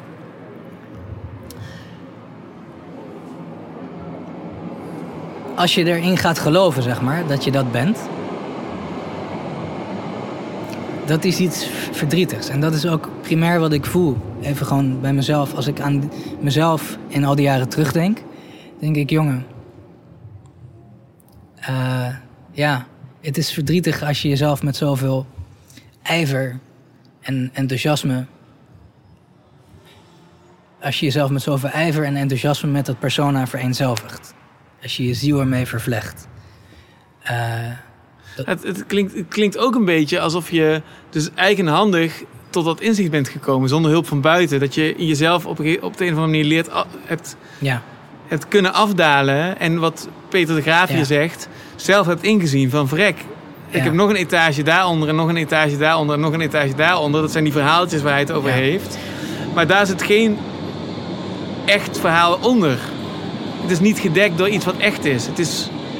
Er is niks. Nee. En dat is dus wat, wat, wat de perennials, om het even zo te noemen. Dus Ja. eh, Eckhart Tolle, eh, Rupert Spira, eh, Moji, al is dat een beetje een controversieel figuur. Ramana Maharji, andere leraren in die traditie. Die stellen zich de vraag, oké, eh, laten we het even iets anders inzetten. Stel, je, je bent iemand. Stel jezelf de vraag, wie ben je als je de volgende dingen out of the equation houdt? Je relaties, familie en liefde. Je werk. Je status. Je fysieke gesteldheid. Misschien ben je heel trots op, je, op hoe sterk je bent. Als je al die, die concepten, al die vormen uit de vergelijking haalt, wat blijft er dan over? Wat deze filosoof zegt, er zit niets. En in plaats van daarvan te schrikken, zegt die perennial traditie, Nee, daar begint eigenlijk pas het echte denken. Wat al die spirituele leraren zeggen is... wat daaronder zit, is beyond form. It's beyond concept, it's beyond shape and time. Wat daaronder zit, is een leegte en bewustzijn. Het is Christ consciousness noemen ze dat, your Buddha consciousness, your essential consciousness. Wat ze daarmee bedoelen is, en hij noemt het terecht leegte... maar dat is geen enge leegte. Het is de meest liefdevolle leegte die er is. Het is de bewuste leegte waarin de dans van vormen en concepten ontstaat en waar die ook weer in verdwijnt. Dat is wat eronder zit. En dat is de kern van elke spirituele traditie, is dit. Alles eromheen, alle, al het cosmetische, al het esthetische, is ja, cultuur die er omheen ontstaat. Maar de kern van eigenlijk alle tradities, dus de, ehm, de Tao, dus de, de Tao Te Ching van Lao Tzu, het boeddhisme. Jezus was ook vrij expliciet een perennial. Het Oude Testament was meer moreel, maar Jezus is eigenlijk een perennial teacher. Eh Eckhart Tolle, al die leraren wijzen naar hetzelfde, naar de leegte waar deze man het over heeft. Is jouw identiteit beyond form? Het is leegte en bewustzijn. Ja. En dat is wat er is. Ja, en hij heeft het over, dat, dat, dat heb ik niet laten zien, maar hierna zegt hij dat er een wezen is wat, eh, wat altijd alle, dezelfde leeftijd heeft gehad en wat van binnen naar buiten kijkt en wat zonder oordeel eh, op al die prikkels reageert. En dat vind ik een heel mooie gedachte, omdat ik dat dus herken in wat ik net ook zei, van je hebt mensen die vanuit een moralistisch of judgmental, noem ik dat de laatste tijd, Mhm. vanuit zo'n kader kijken, die willen de wereld veranderen. Die willen iets in de wereld veranderen of de hele wereld veranderen. En daartegenover staat een, wat ik net even die ironische distantie noem, of die metablik. En die blik stelt je in staat om iets meer vanuit een Je moet jezelf trainen Ja. in ieder geval... om vanuit zo onbevangen mogelijk naar de fenomenen te kijken. Ja. Van, oh wat interessant, Ja. eh, Donald Trump. En waarom is hij daar? En wat zegt dat over... Dus dat je niet daar, daar iets aan wil veranderen... Maar dat je kijkt van wat is het eigenlijk? Nou, eh, een citaat van Jezus is bijvoorbeeld... ehm, wees in de wereld, maar niet van de wereld. Dus dat is eigenlijk wat jij nu beschrijft. Je, weest, je bent in de wereld, maar je wordt niet bezeten door de wereld. Ja. Je, kunt jezelf, je kunt jezelf tot op een zekere hoogte bevrijden van de wereld... door gewoon die afstand te nemen. Ja. En ik denk dat dat uiteindelijk... dat is beter voor je. Mijn analyse van dus wa- waarom we hierin zitten, waar we in zitten, heeft te maken met het internet. Dus doordat we internet hebben, hebben we een wereld waarin we een avatar creëren. En dat is, zoals ik kijk naar mijzelf op social media, dan zie ik meteen, dat ben ik helemaal niet. Dat is een avatar. En die, av- die avatar, die afgevaardigde, dat is zoals een doodstuk hout. Zo'n persona. Die persona, ehm, als die gaat denken dat je iets moet veranderen aan de wereld... dan wordt die overtuiging, zoals dat Mickey Mouse massacre van Stefano Keizers... dat vergroeit dan met je... Dan gaat dat dode stuk hout vastzitten aan je gezicht. Ja, ik vind dan- het heel... Je noemt het een vergroeiing. Dat vind ik Ja. tot nu toe het beste woord. Ik noem het een vereenzelviging. Het woord vergroeiing heeft ook dat proces in zich, zeg maar. Van, ja, van de- precies. En dat is, daar zit ook die ideologische possession in waar jij het over hebt. Hè? Ja. Dus eigenlijk waar heel veel van die concepten samenkomen. Ja. Dus zoals ik kijk naar dit filmpje van Peter de Graaf... dit heb ik heel erg bevestigd gezien in de af, sinds Trump. Ik zag het in dat jaar van Trump. En in die ze- zes, zeven jaar die volgen zie ik het de hele tijd bevestigd worden... in al die sociale politieke strijd die Ja. overal plaatsvindt. Mensen zijn hun masker. Ja. Vergroeien met het masker. Ja. En wat ik boeiend vind aan het gesprek vandaag... is dat jij eigenlijk daar van binnenuit verslag van legt. Omdat je zegt, ik ben ook Ja. ideologisch bezeten geweest. Dus ik kan precies vertellen... Maar je noemt Eh, het een koorts en dat vind ik terecht, want het is een ziekte. Ja, Zo en- zie ik dat. Dat z- zet ik hem misschien wat sterk aan. Misschien klinkt dat belerend of zo. Maar Mhm. ik vind vereenze- vergroeiing met ideologie zie ik als een ziekte. Ja. Een ziekte van de ziel. Ik gebruik het woord koorts omdat de koorts weer kan gaan liggen. Ja. Dus dat is voor mij een hoopvolle benadering van deze situatie. Want Ja. ik denk, ik kan best over een maand of over twee maanden of over een jaar met je praten. Maar Ja. zolang je die bezetenheid hebt, even niet. Ja. Je moet, het is een kwestie van durven overwegen dat je kunt bestaan zonder overtuigingen. Je hoeft het niet eens te doen, je moet het overwegen. Ja. Dat je, het, je moet de mogelijkheid overwegen te bestaan zonder overtuigingen. En ik had bijvoorbeeld heel lang echt moeite met het woord verlichting. Omdat het heeft iets, ja, iets, eh, iets superieurs, iets statisch ook. Maar ook, hè, er is duisternis en de verlichte persoon schijnt wel even Ja. licht in het duisternis. Maar in ieder geval in het Nederlands en Engels heeft verlichting een dubbele betekenis. Het is namelijk niet alleen verlichten zoals een lamp dat doet. Verlichting betekent ook lichter worden. Ja, ontlasting. Het is, eh, ja, het is het gewicht van overtuigingen en concepten van je af laten vloeien. Dat is. En, dus ik vind het ook veel fijner om het als werkwoord te zien, het woord verlichting. Omdat het een proces is. Ja. En het heeft niet te maken met, met, met duisternis verlichten. Dat vind ik een heel naar iets. Het gaat puur om mentaal gewicht los kunnen en durven laten. En daarmee verlaag je je eigen eh, density of person, noem ik dat soms. Je persoonsdichtheid. Je wordt minder zwaar, minder dicht. Je wordt langzaam iets transparanter. Ja. En als je gewoon iets transparanter wordt, iets lichter... dan raken dingen je ook minder. En word je ook minder in, in ruzies getrokken of in discussies getrokken. Omdat het gewoon, ja... Er wordt iets op je afgevuurd, maar het gaat ja, door je heen eigenlijk. Dus ja, dan kan je het ook gewoon laten gaan, toch? Ja. Dan hoef je niet mee... Ja, dan hoef je... Je hoeft de discussie niet aan, omdat het je ook niet schaadt. Als het gewoon door je heen gaat en het niet in je blijft. Dus zo zie ik het woordje verlichting nu. Het is een proces van lichter worden in gewicht. Ja. Het is het proces van mentaal gewicht.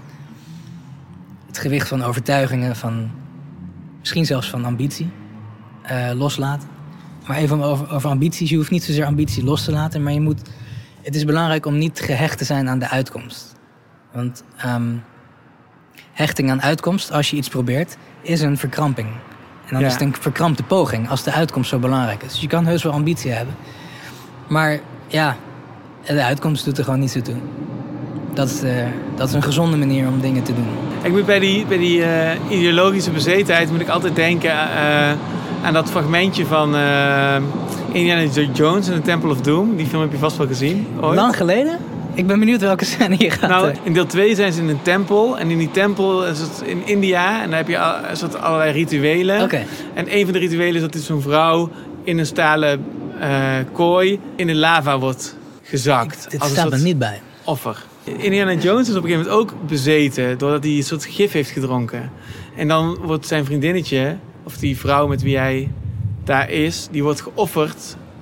En dan is Indiana Jones heeft een soort gifje gedronken en die, die, die voert die handeling uit. En hij heeft ook een soort van klein Aziatisch jongetje die daar ook is. Dit is zo'n soort hulpje van hem. En die heeft op een gegeven moment, die pakt dan een toorts en die doet dan zo bij Indiana Jones. En dan popt hij eruit. En dan is hij in één keer weer bij zinnen. Ja.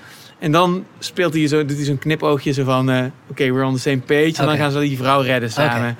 Dat moment, dat Ja. is eigenlijk waar, waar je op wacht, weet je wel. Je wil eigenlijk dat mensen uit die koorts Ja. snappen. En zien dat ze in een soort zombie-apocalypse film hebben gespeeld. Ja. En even de zombie hebben gespeeld. En in die zombificatie van het denken hebben gezeten. En dat ze weer even zelf in die verlichting terechtkomen. Van, wow, al die concepten zijn niet, dat ben ik niet zelf. Maar Dat is, het, Dat is het- gewoon- het theater waarin je je begeeft. ja, ik ben als poppetje in een theater ingezet. En nu kan ik daarop reflecteren. En dan kun je pas weer gaan praten. Ja.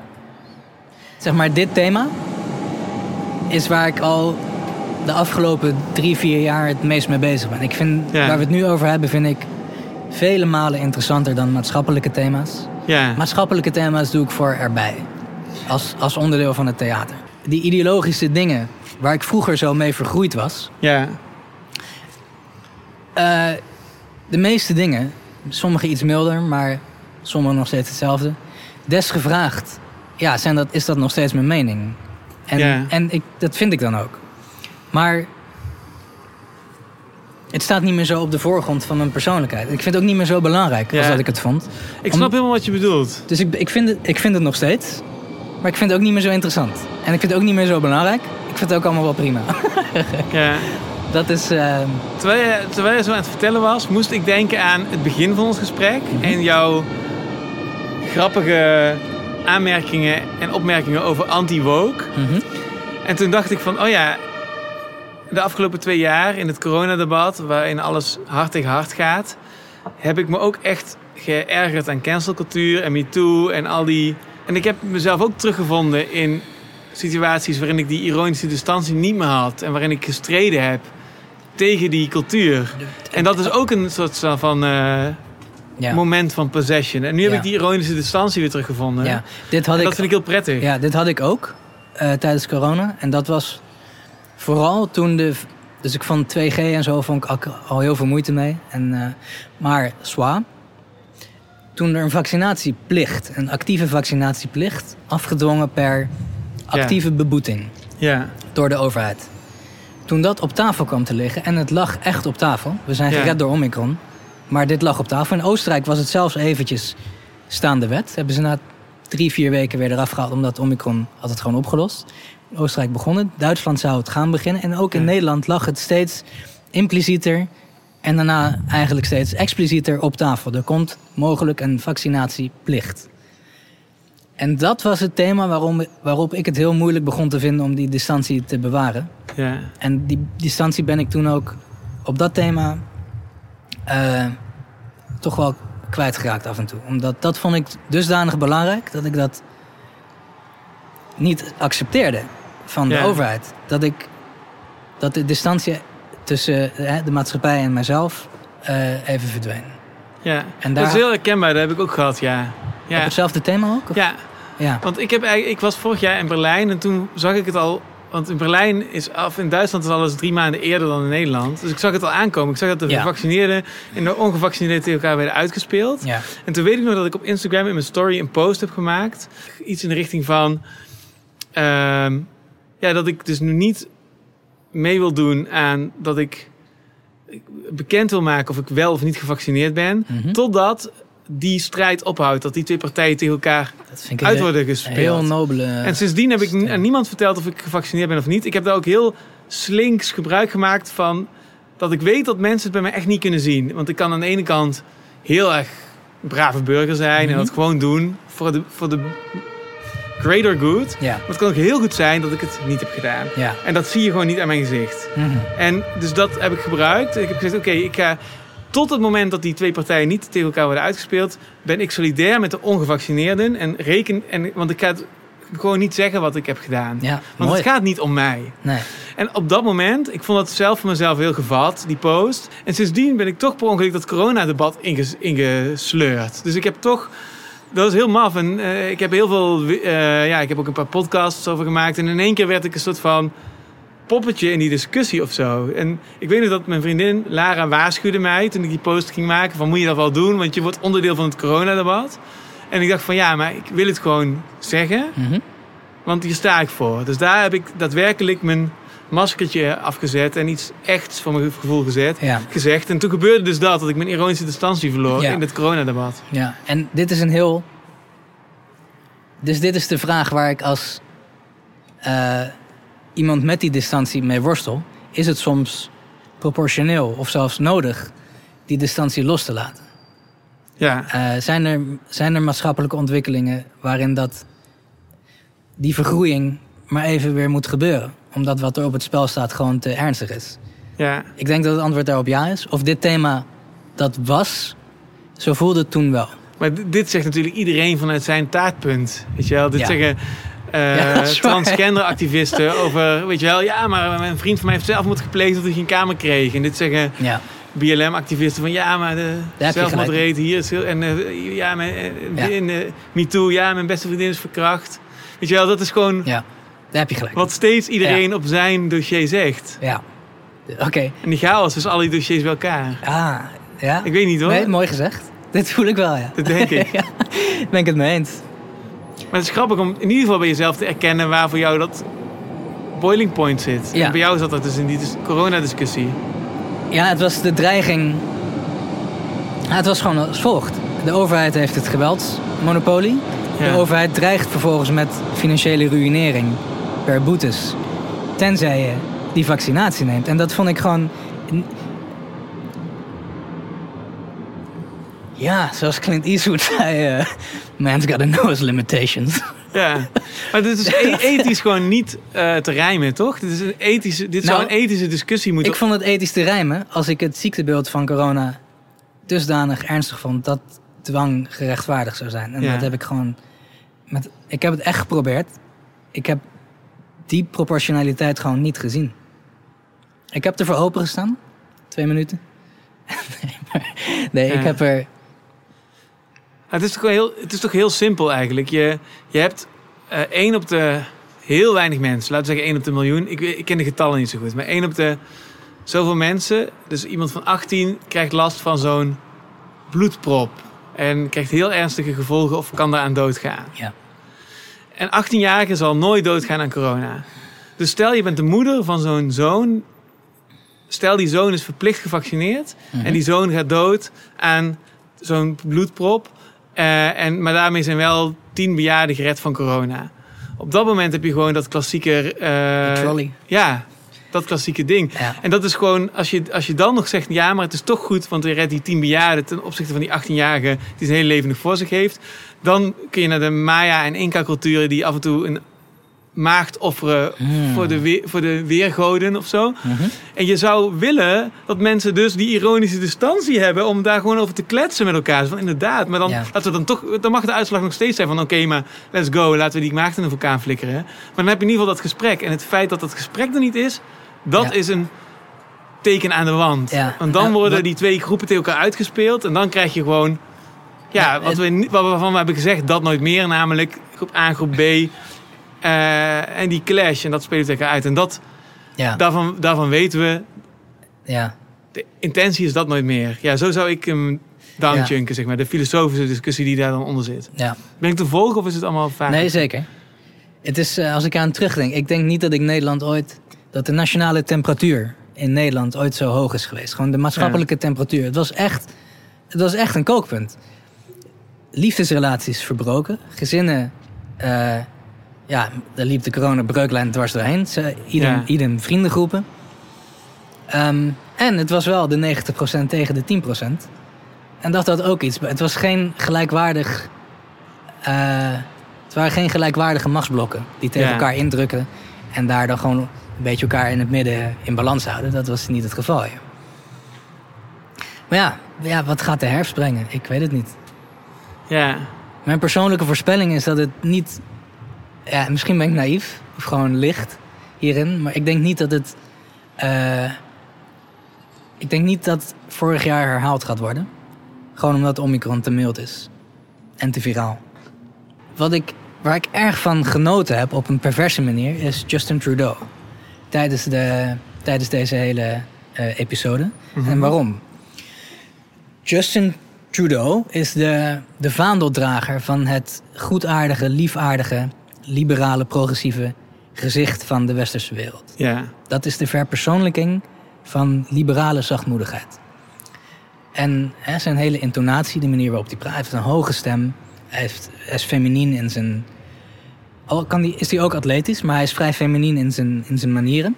Maar wat ik dus zo, waar ik zo van genoten heb, gewoon als, als stukje theater waar we naar mochten kijken afgelopen jaar, is hoe Justin Trudeau, die zich zijn hele carrière nog nooit agressief geuit heeft tegen wie dan ook, eindelijk eh, de maatschappelijke toestemming, of in, in psychoanalytische termen de toestemming van, de, van het superego vond.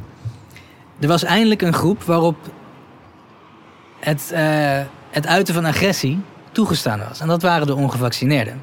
En, toen, en wat, wat er met die man gebeurd is op de hoogtijdagen van corona, is dat hij als een compleet bezeten eh engnek stond, stond te schreeuwen tegen ongevaccineerden. Ik, ik, vond dat, ik heb er enorm van genoten.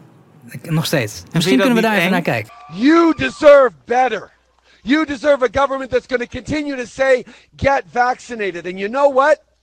If you don't want to get vaccinated, that's your choice. But don't think you can get on a plane or a train besides vaccinated people and put them at risk. We need to be strong in the decisions we're taking going forward, and we need to put people first, which we have always done. And I'll be honest, you know, like I do, there's lots of people out there who don't agree with that. And the reality is, that's okay.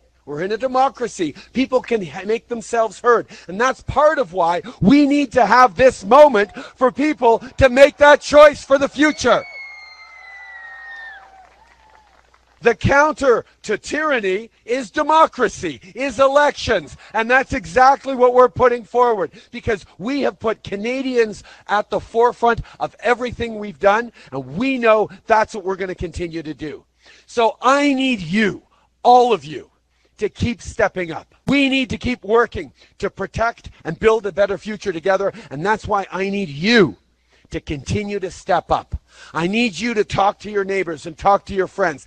Talk to those folks who are still wondering whether they should get vaccinated and tell them, yes, they need to get vaccinated so we protect ourselves, protect our communities, and protect our kids who can't yet get vaccinated. That's what we need to do. I need you to get out there. We kijken hier naar Justin Trudeau, die voor deze episode nog nooit zich agressief of met verheven stem zelfs maar geuit heeft tegen wie dan ook, laat staan landgenoten. Oui, on va s'en sortir de cette pandémie par la vaccination. Puis on, sait- on en connaît tous des gens qui sont en train d'hésiter un petit peu. On va continuer d'essayer de les convaincre.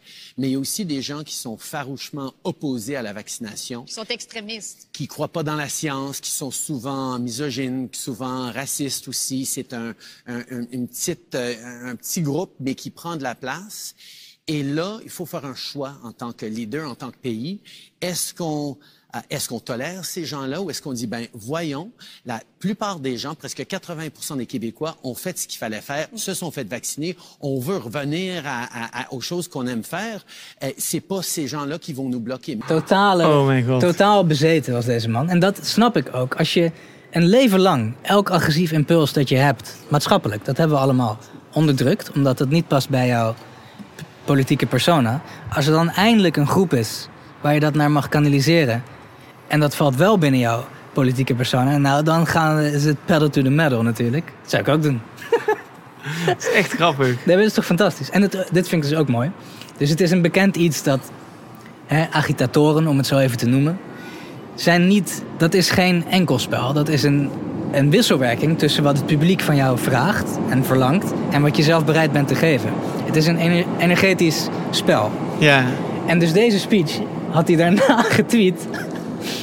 What a night, eh Calgary, ik weet niet wie dit zegt. Your energy was incredible. Dat vond ik een van de mooiste ja, naschriften die ik ooit heb gezien. Ja, omdat dat iets zegt over zijn dopamine, toch? Van Ah, absoluut, De kick maar- die jij krijgt van zo'n Ja, maar, speech. en ook, dat is zorgelijker, dat wat hij hier doet, werd van hem verlangd door het publiek.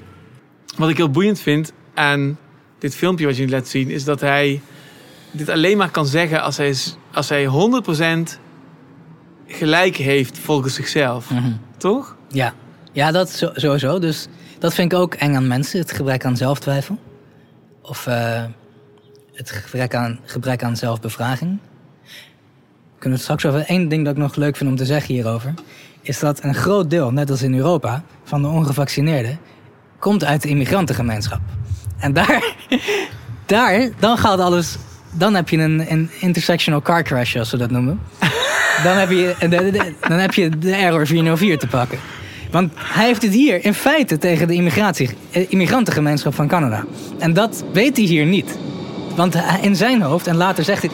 Dus dit is wat, wat, wat Trudeau zo fijn vindt. Hij denkt dat Canada's ongevaccineerden zijn de lower and working class white Canadians. Dat is deels waar, maar ze zijn niet de enige. En een veel groter percentage van de immigrantengemeenschap, dat was in het hele Westen het geval, is ongevaccineerd. Dus wat hij hier staat te schreeuwen, Ja. hè, als, de, als, de, als, de, als de goedheid zelf, hij had het hier tegen zijn immigranten. Ja.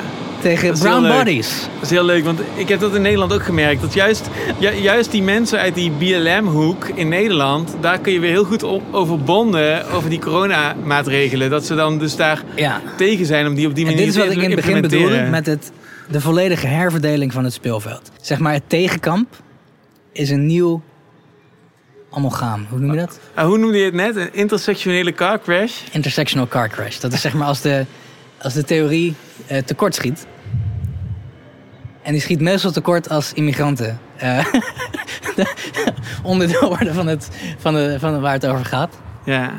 Ja, dus dat is de, de klassieke intersectional car crash is islam en vrouwenrechten natuurlijk. Ja. Je hebt hem ook een beetje met eh, Free eh, Palestine in de Pride die hier van de Ja, week ja. rondloopt. Dat je dus als je, Ja, dat zo- dat als je, de- als je die lijn volgt dan, Ja. en dan zeg maar Israël uit, dat, uit die regio haalt, dan heb je alleen maar mensen die Ja. eh, homoseksuelen de doodstraf geven of willen stenigen of willen doodmaken of opsluiten. Ja. Juist Israël is een baken van hoop voor juist de LGBTQ community. Ja. Dus dat is ook een Half intersectional car nee, crash, half toch? Tel Aviv is, is gay. Ja, inderdaad. Dus daar heb je ook zo'n intersectional car crash, Ja, toch? zeker. Ik zit te kijken of er nog meer zijn. Ik zag vorig jaar die, Ja. die... Ik heb meegelopen met die Pride. Ik zag al die... Al die Dan zie je eh, Palestijnse vlag. ja, heel veel ehm, eh, pro-Palestina, Ja. anti-Israël billboards vorig Ja. jaar. Toen viel mij dus op dat die billboards waren allemaal heel, heel principieel en grotesk. En, ehm, terwijl met de mensen op straat kon ik allemaal heel goed kletsen. En dus de, toen dacht ik al van, ik kan het heel goed vinden met de individuen. Mhm. Maar ik kan me gewoon niet vereenzelvigen met de Nee. kreten. En toen aan het einde van die nacht, toen, dat eindigde in de Hazenheide. En daar was totale, totale car crash aan rotzooi. Dat was gewoon... Ik heb nog nooit zoveel troep gezien als wat die principiële mensen allemaal bij Ja. elkaar... Nou, daar komen de- dat park daar komt de milieubeweging om de hoek Ja. kijken. Dus dat was ook weer een intersectional car Ja, crash, ja, toch? ja. ja, maar ik snap het ook. Ik kijk met heel veel eh, genade naar dat intersectionalisme. Omdat, Ja. jongens, jullie vragen gewoon te veel van jezelf. Dit, dit is te moeilijk. Je kan niet verwachten dat het klopt. Ja. Dus ik vind het ook schattig gewoon en leuk. ik vind het leuk. En eh, hè, ja, je speelt een toneelstukje en soms ja, conflicteren de scripten, om Ja. het zo even te zeggen. Soms gaat het niet goed. Ja, en het grappige is ook, dit is, ik, nu ontwikkel ik even live mijn gedachten, dus ik weet niet waar die eindigt. Maar dat rechts doet het ergens ook. Dus hij rechts gaf ineens heel veel om homorechten. Toen het een stok werd om de islam mee te slaan. Ja. En dat wantrouw ik ook een beetje. Ik, uh, ik wantrouw het niet zozeer, maar ik zie wel dat het, dit is niet een heel doorleefde heuvel. Links heeft altijd een probleem wat rechts niet heeft. Namelijk dat je dus... ehm, je, je moet zelf voorleven wat je propageert als, vanuit links. Omdat je anders van hypocrisie beschuldigd wordt. En de hypocriesiebeschuldiging is voor linkse mensen de ergste beschuldiging. Omdat het een in- integri- in- integriteit aantast. Ja. En dan zijn ze vaak af. Ja. Weet je wel, zo van... Ja, eh, Jesse Klaver, wat je nou te roepen over het milieu? Je hebt gisteren nog een hamburgertje gegeten en dan pat. Je bent al Nee, weg, ja, dat je? is ook- Je- Maar dit is nog zoiets. En Ze dat probleem heeft rechts niet. Nee. Die heeft weer andere problemen. Ja. Dat zijn hele grote problemen. Maar, maar dit is een soort van basisprobleem... wat links niet krijgt opgelost. Nee, je zei net integriteit. Dat is een van mijn favoriete woorden. De reden, de VVD had ooit iets, dat noemden ze dan, dan was er een of andere VVD-boef. Zat weer met 30 verstrengelde belangen ergens in de provincie of zo. En dan werd er een integriteit ontbijtje werd er, eh, georganiseerd. En dat woord, integriteit ontbijtje, is een van mijn favoriete woorden. En waarom? Ja, het is gewoon... Omdat het, het trivialiseert de lading van het woord. Ja. Integriteit. En integriteit...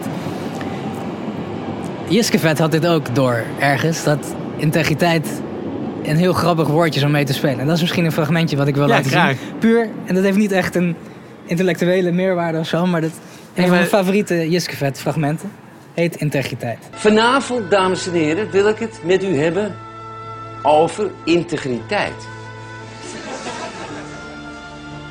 Want wat is integriteit? Integriteit van de ene mens naar de ander toe.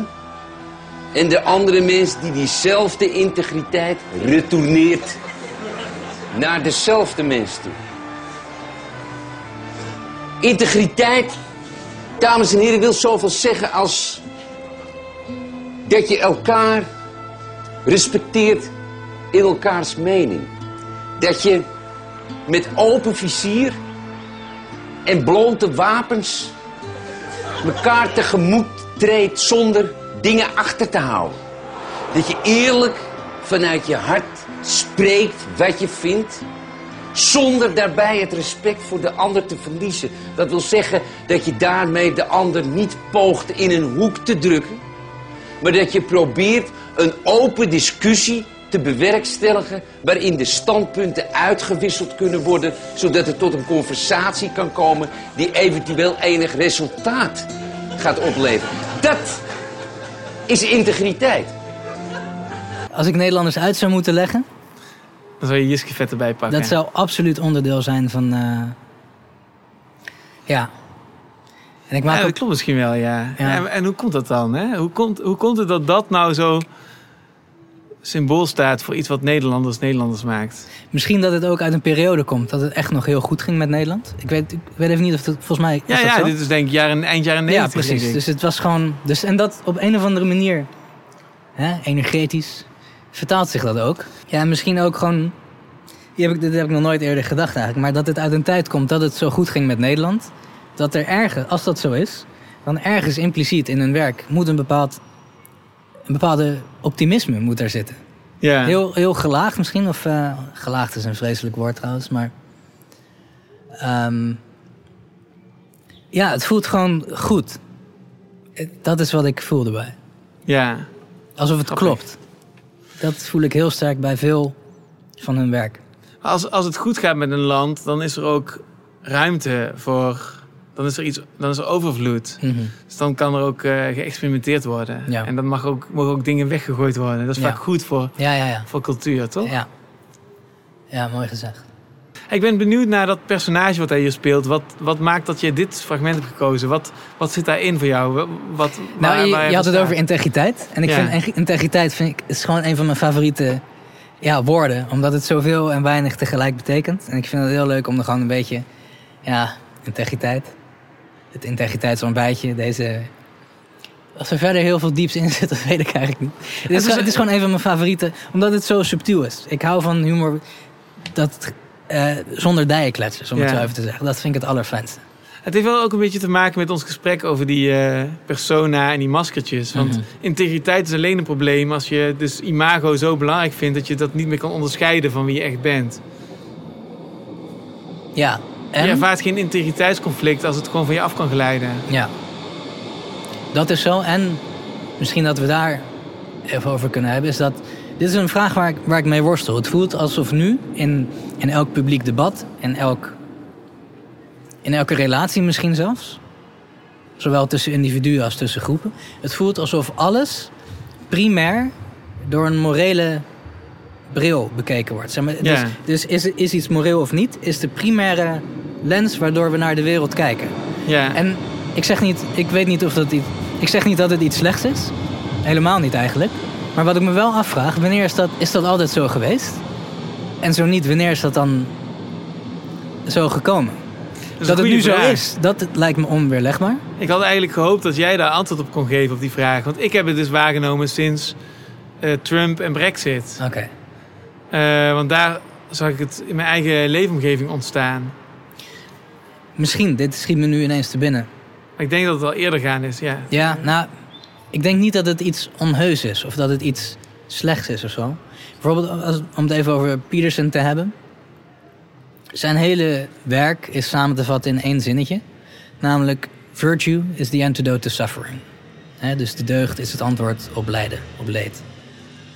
En virtue is een heel diep, eh, breed eh, thema. Het, het heeft heel veel facetten, maar tegelijkertijd is het ook klein genoeg dat we het meteen herkennen als we het zien. Als, we, als we een virtuous deed of een virtuous person zien, in films vooral, omdat dat zijn compacte versies van, van de werkelijkheid. Je haalt de archetypische held in, de- in binnen een seconde uit. En de archetypische schurk hou je er binnen een seconde uit. Dus ik denk wel dat het iets adaptiefs is. Dus daarmee bedoel ik, dus het is wel iets met een wat een hoger doel heeft, zeg maar. De wereld door een morele lens bezien, is proberen de wereld iets minder te laten leiden met een lange ei. Iets minder leed in de wereld te hebben. Dus ik vind het niet iets slechts. Maar wat me vooral fascineert is de vraag: wanneer is dat zo gekomen? En hoe bijvoorbeeld in, ja, wat zeg, in 1500 of zo. Hoe keken we toen naar de wereld? Dat kan toch niet. Of is het altijd gewoon dat mensen altijd denken: we zijn iets goeds aan het doen. En dat hoe je dat invult, wat dan het goede op dat moment is, dat ligt aan het tijdsgevecht. Maar dat het wel ook toen al een morele bril was waar we doorheen keken. Nee, maar ik denk dus, nu we dit gesprek hebben, dat we misschien, en misschien is dat ook een beantwoording op mijn vraag, dat, er, dat we altijd al primair door een morele bril geleefd hebben. Omdat we altijd al dachten en denken dat we het goede nastreven. Alleen wat dat goede dan is, dat ligt aan de tijd en de cultuur. Maar ook al is het, al gooit een, een Azteek en eh, een mooi tienermeisje in een vulkaan, is dat ook door een morele bril. Ja. De invulling van de moraliteit is anders, maar het is wel hetzelfde eh, montuur. De glazen zijn Ja, ik weet niet of dat een morele bril is. Misschien is de gedachte daar wel eh, dat je. ehm, ehm, stel je hebt een holistische kijk op hoe je met de natuur en je omgeving leeft. Dan, dan is het ook noodzakelijk dat er regen komt. Want je wil dat de planten groeien en de bomen groeien. Dus het goede is dan inderdaad iemand offeren. Want dat, zo gaat het al eeuwen. En dan komt er weer regen. Ja. Dat is niet eh, moreel op een manier zoals wij dat op individueel, of individualistisch benaderen. Mhm. Dat is meer een soort van. Dat, zijn weer, dat zou heel, een heel ander Ja. concept kunnen zijn. Ja, ik snap wel wat je bedoelt. Dit doet me denken aan een van de ergste fragmenten. Van misschien wel afgelopen decennium, maar het is heel recent. Dat wil ik je graag laten zien.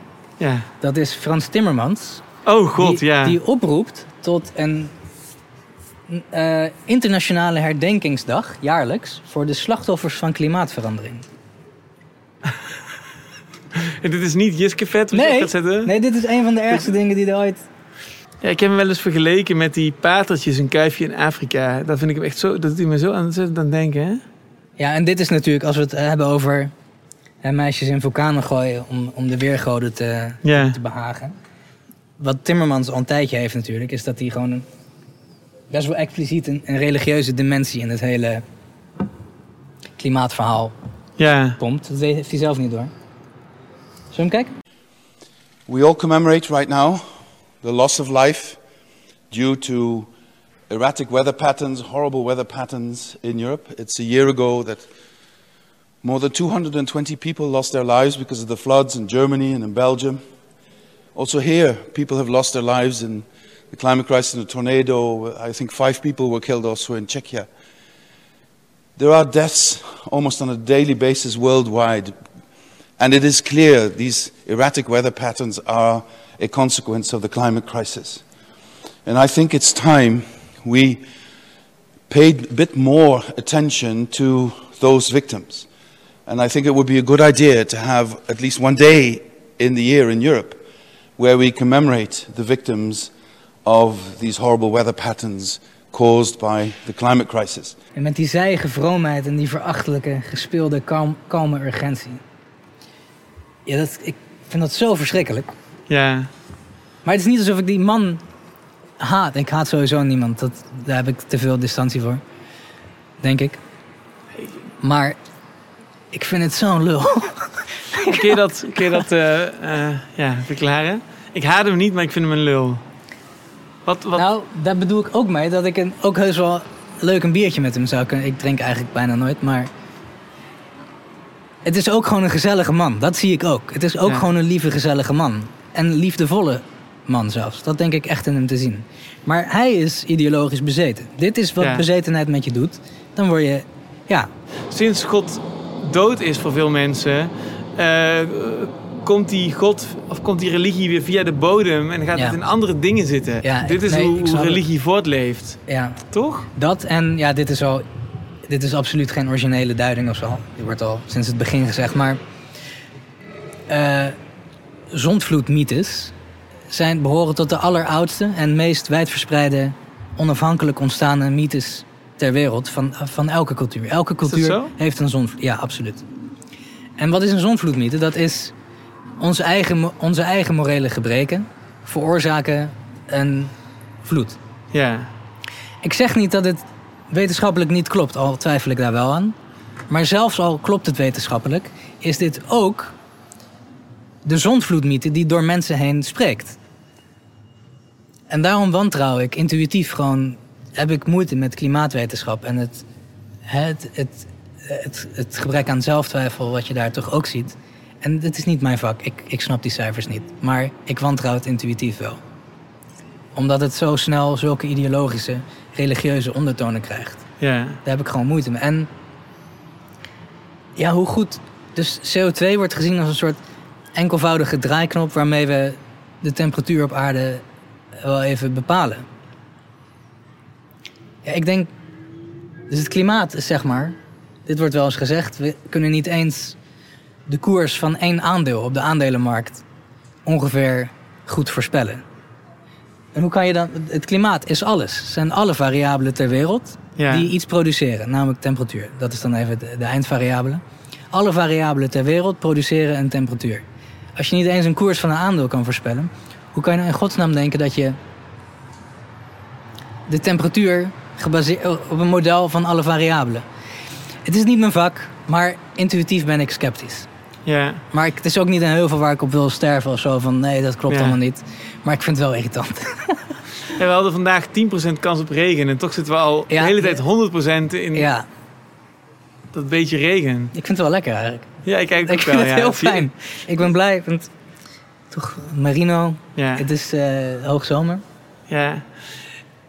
Ehm, ik heb nog een heel andere vraag. Ja, ergens gaandeweg het gesprek had ik het idee dat we een hele interessant pad op gingen. Mhm. En ergens was een tweesplitsing en toen gingen we toch weer helemaal die politieke Mhm. kant op. Terwijl jij eigenlijk heel autobiografisch vertelde waar voor jou, wat voor jou zelf een fase is geweest van ideologische bezetenheid. En hoe je daar overheen gekomen bent. Of hoe je tot inzicht bent gekomen. En daar was ik eigenlijk benieuwd naar. Ik dacht, laten we, dat, laten we daar nog eens op inzoomen. Ik Ja. had ook het idee op de een of andere manier dat... Ik zat gisteren nog wat momenten terug te kijken van jouw interview met Jordan Peterson. En ook wat jij hem voorlegt over de hero's journey en over je... Toen dacht ik van, oh, dit, dit heeft overlap. Dat, je, dat afdalen in je eigen duistere krochten en daar sterker uitkomen. Ja. Misschien komt daar ook wel die fascinatie met Jordan Peterson vandaan en waarom je hem uiteindelijk gaat interviewen. Dus ik was benieuwd. Misschien konden we, konden we, konden we daar weer verder gaan, dacht ik opeens. Ja. Ja, Kun je daar iets over eh, vertellen? Ja, zeker. Even een kleine voetnoot. Zeg maar, mijn Ja. fascinatie met Jordan Peterson. eh, dat valt wel mee hoe sterk die fascinatie is. Mhm. In 2017 en 18, toen die opkwam, vond ik het een heel interessante denker en was ik echt een serieuze student van zijn werk.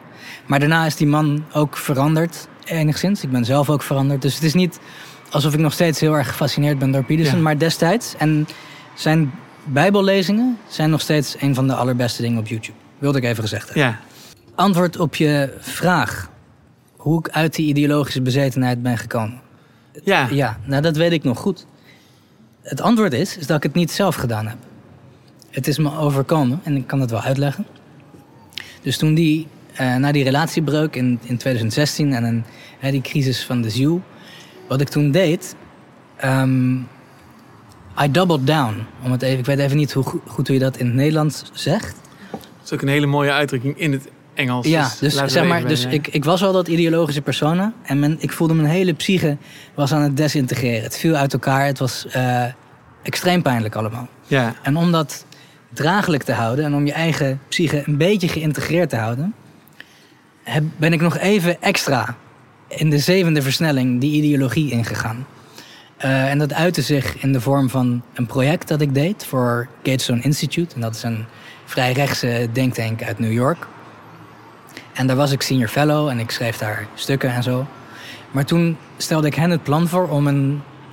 Daar publiceren ze alleen lange achtergrondstukken. En ik stelde hen voor om een website op te richten voor Europa, Engelstalig, met dagelijkse nieuwsartikelen. Gewoon een stuk of vijf, zes per dag. En dat was mijn double down on ideology. Ik ging nog even in de zevende versnelling doen wat ik altijd al deed, maar dan nog harder.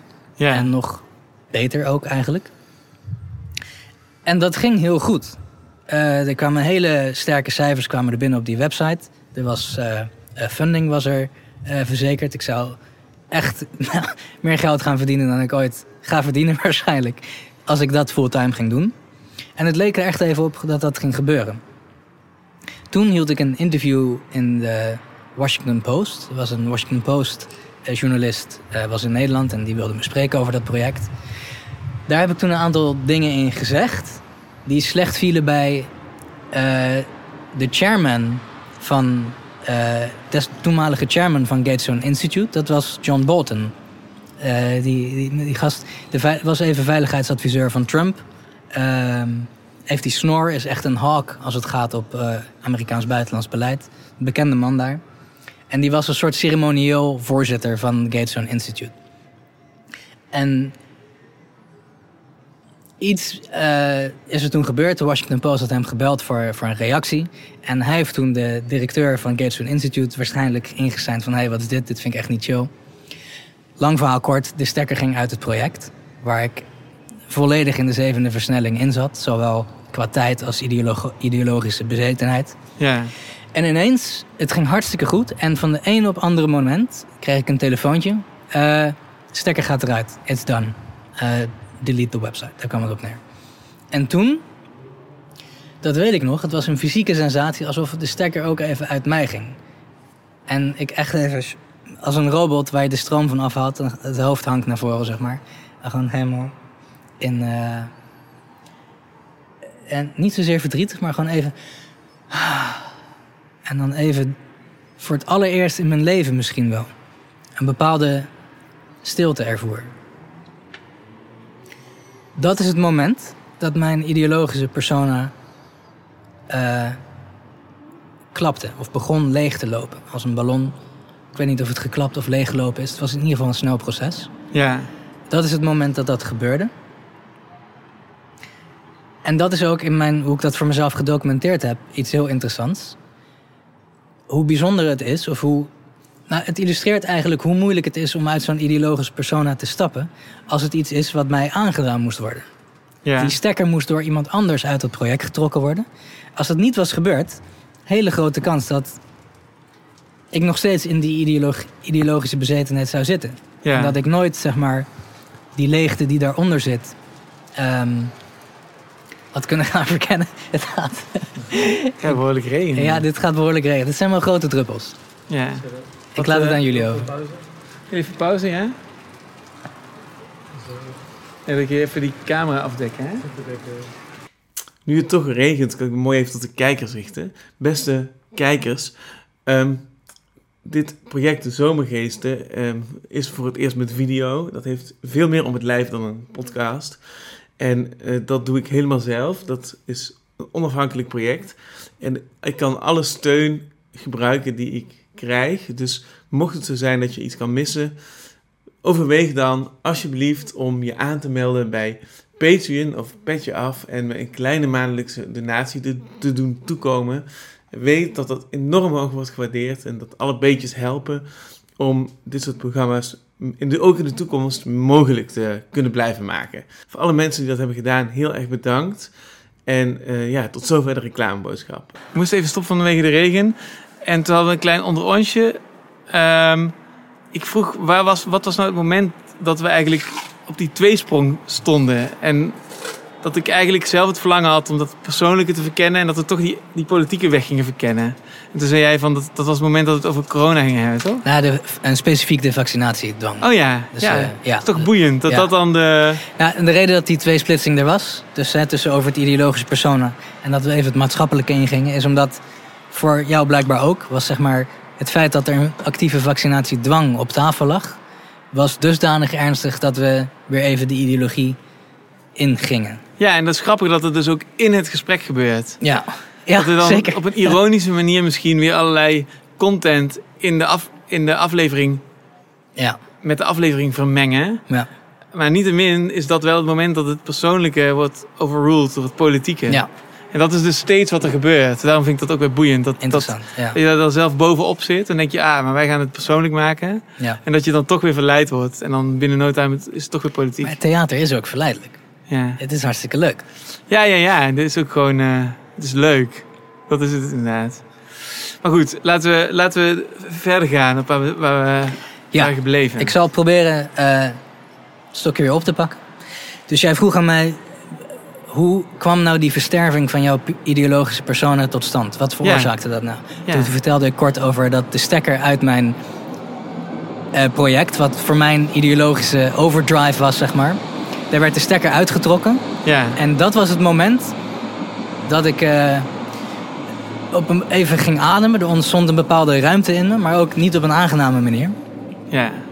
Of misschien wel, nou, misschien ook niet. Dat was het moment. En dat Wat is, bedoel je met niet op een aangename manier? nou, er ontstond zeg maar, dus intuïtief voelde je ineens, er was een, een soort ademruimte, een adempauze ook. Maar er was ook, werd ik ineens geconfronteerd met die, met die leegte. Oké, als niet ideologie, wat dan wel? En daar had ik totaal geen antwoord op. Ja. Totaal niet. Maar er is iets wat ik wil zeggen. Wat, wat interessant is. Omdat een vraag van jou is hoe, ehm, hoe krijg je mensen nou uit die bezetenheid? En hoe ik daarnaar kijk. Het feit dat het mij moest overkomen. In plaats van dat ik het zelf deed. Dat is voor mij een hint hoe extreem moeilijk het kan zijn.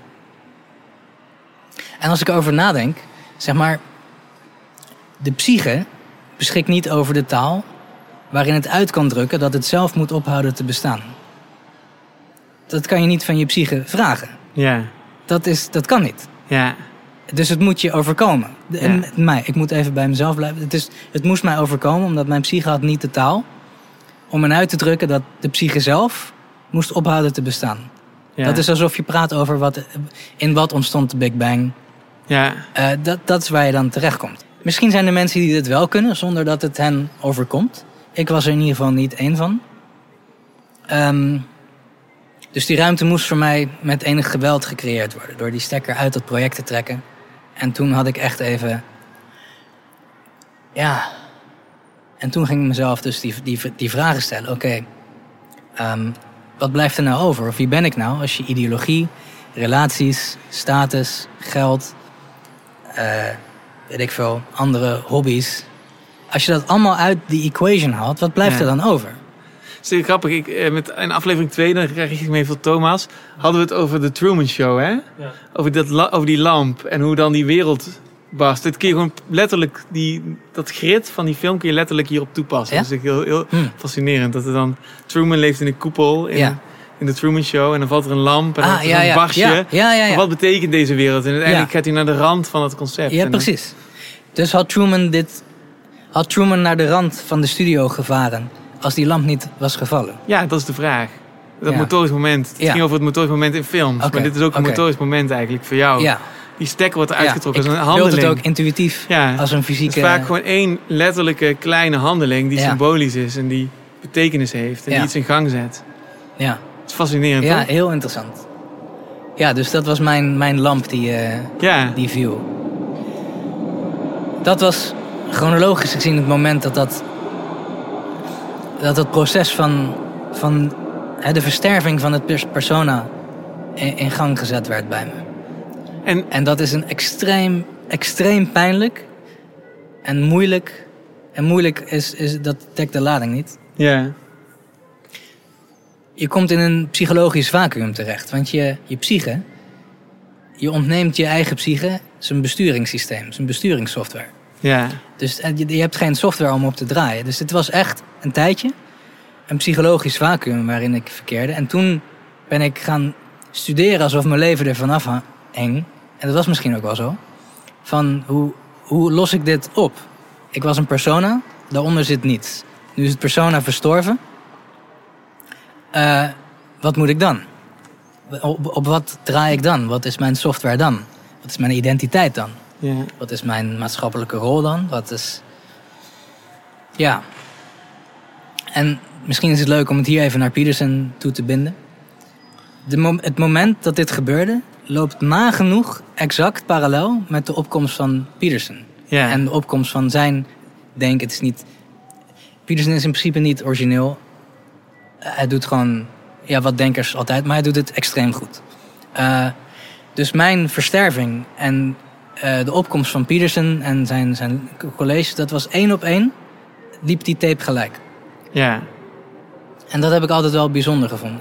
Omdat zeg maar in dat psychologische vacuüm is waarin ik toen zijn drie eh lezingsseries ben gaan bestuderen. Dus hij had er één eh, over Maps of Meaning. Dat ging over de ideologische bezetenheid achter de Koude Oorlog.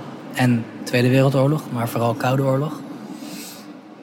Eh, personality and its Transformations. Dat gaat over ja, de, de transformatie van persoonlijkheid. Is dat überhaupt mogelijk? En zo ja, eh, hoe dan? En wat gebeurt er dan precies? En drie, dat vind ik de allerbeste, omdat die het meest rijk in taal en beeldtaal is. Dat zijn zijn lezingen over eh, het Oude Testament. Die dingen ben ik toen gaan bestuderen, eh, zoals ik nog nooit eerder iets bestudeerd heb. En dat leidde er een jaar later toe dat ik dat interview kon houden met hem. Waarin ik eigenlijk, ik kende zijn werk dusdanig goed dat ik het kon destilleren tot vijf concepten.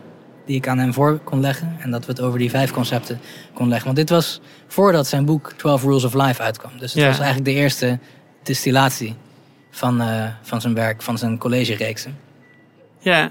ja, ik moest er net aan denken, omdat jij in dat gesprek ook meteen een aantal concepten op tafel legt die wij nu ook vandaag bespreken. Namelijk, je legt hem voor wat naar jouw idee die ideologische bezetenheid is, die jij in anderen waarneemt.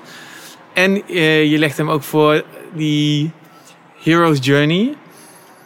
Waar ik ook een ambivalente verhouding mee heb met ja, dat ik verhaal. ook. Ik vind, inmiddels En- vind ik, het- ik vind het ook een beetje kitsch. Ja, Dat precies. En, maar waar ik Maar wel ik met de jaren, hoe meer ik van Peterson begrijp, hoe meer ik begrijp dat hij terugvalt op die archetypische manier van storytelling om iets te Ja. duiden over de werkelijkheid. En ik was eigenlijk benieuwd of dat inderdaad dat moment van inzicht voor jezelf, of dat voor dat moment of na dat moment lag. Ik dacht, want dat het zo over die ideologische bezetenheid en het overkomen daarvan gaat. Ja, nou misschien is het even... Dus ik had het net over zo'n psychologisch vacuüm waarin Ja. ik verkeerde. Toen, en ik ben ook erg ambivalent tegenover de Hero's Journey. Deels om esthetische redenen, omdat ik het ook gewoon... Ja, ja het klopt. Ja, ja, ja. Ja. Maar het is ook... En juist omdat het altijd klopt, is het ook een beetje kitsch. Dat ik, is ik zou zelf zeggen, waar ik tegenaan loop is dat ik me nog nooit in mijn jeugd echt heb herkend in zo'n verhaal. Mhm. Ik, ik, ik, ik vind, snap je, ik vind Ja. het mooi om naar te Ik kijken. dus eerst ook niet, maar- ik, ik kan nooit eh, op, op eh, archetypisch, allegorisch of metafysisch of metaforisch level denken... dit is mijn leven, dit is mijn reis. Ja. Ik denk altijd van, spannend verhaal. Ja, had ik dus ook niet gekund. Totdat één element uit die Hero's Journey is de onderwereld. Ja.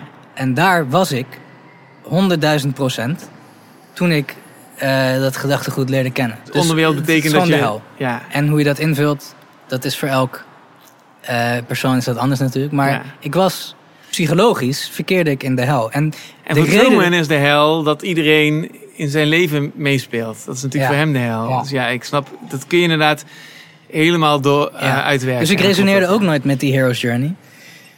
Nou, nee, dat moet ik anders zeggen. Ik kende de hele Hero's Journey niet, totdat ik in die hel zat en, de, en hem toen leerde kennen. Dat, Ja. is hoe het, dat was de sequentie bij mij. Maar wat zo waardevol daaraan is, nogmaals, ik ben ambivalent tegenover de Hero's Journey, maar wat het toen heel erg voor me heeft gedaan, is dat het gaf me een oriëntatiepunt van, oké, waar ben ik in the narrative structure of my life? Ja. En daar geeft die cyclus wel degelijk eh, eikpunten voor. Ja. Ik wist toen heel goed waar ik was. In, in de buik van het In- monster. in- ja, absoluut. En dat was een heel erg. Ja, daar heb ik me heel erg. Het is niet echt een Nederlands woord voor, maar dat was ennobling. Het, was, het gaf mezelf. eh, een bepaalde ja, no- nobiliteit. Niet als een.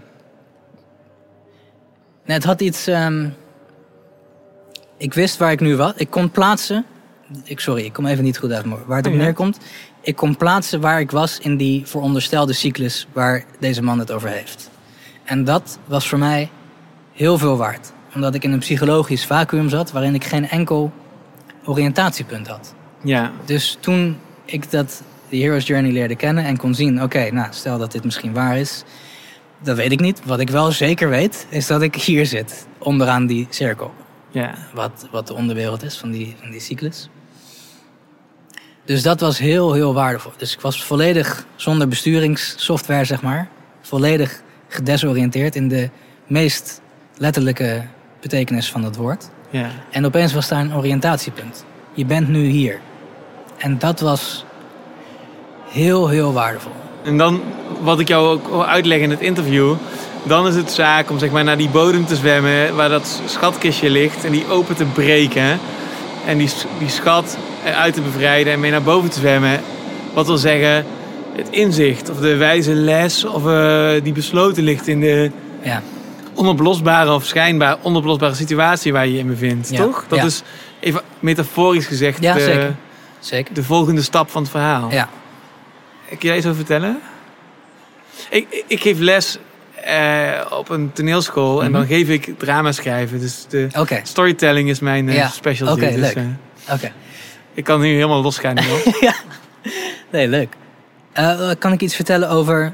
ja, wat is bij jou dat moment? Wat is dan wat je dan vindt in die buik van het monster? Wat je, Ja.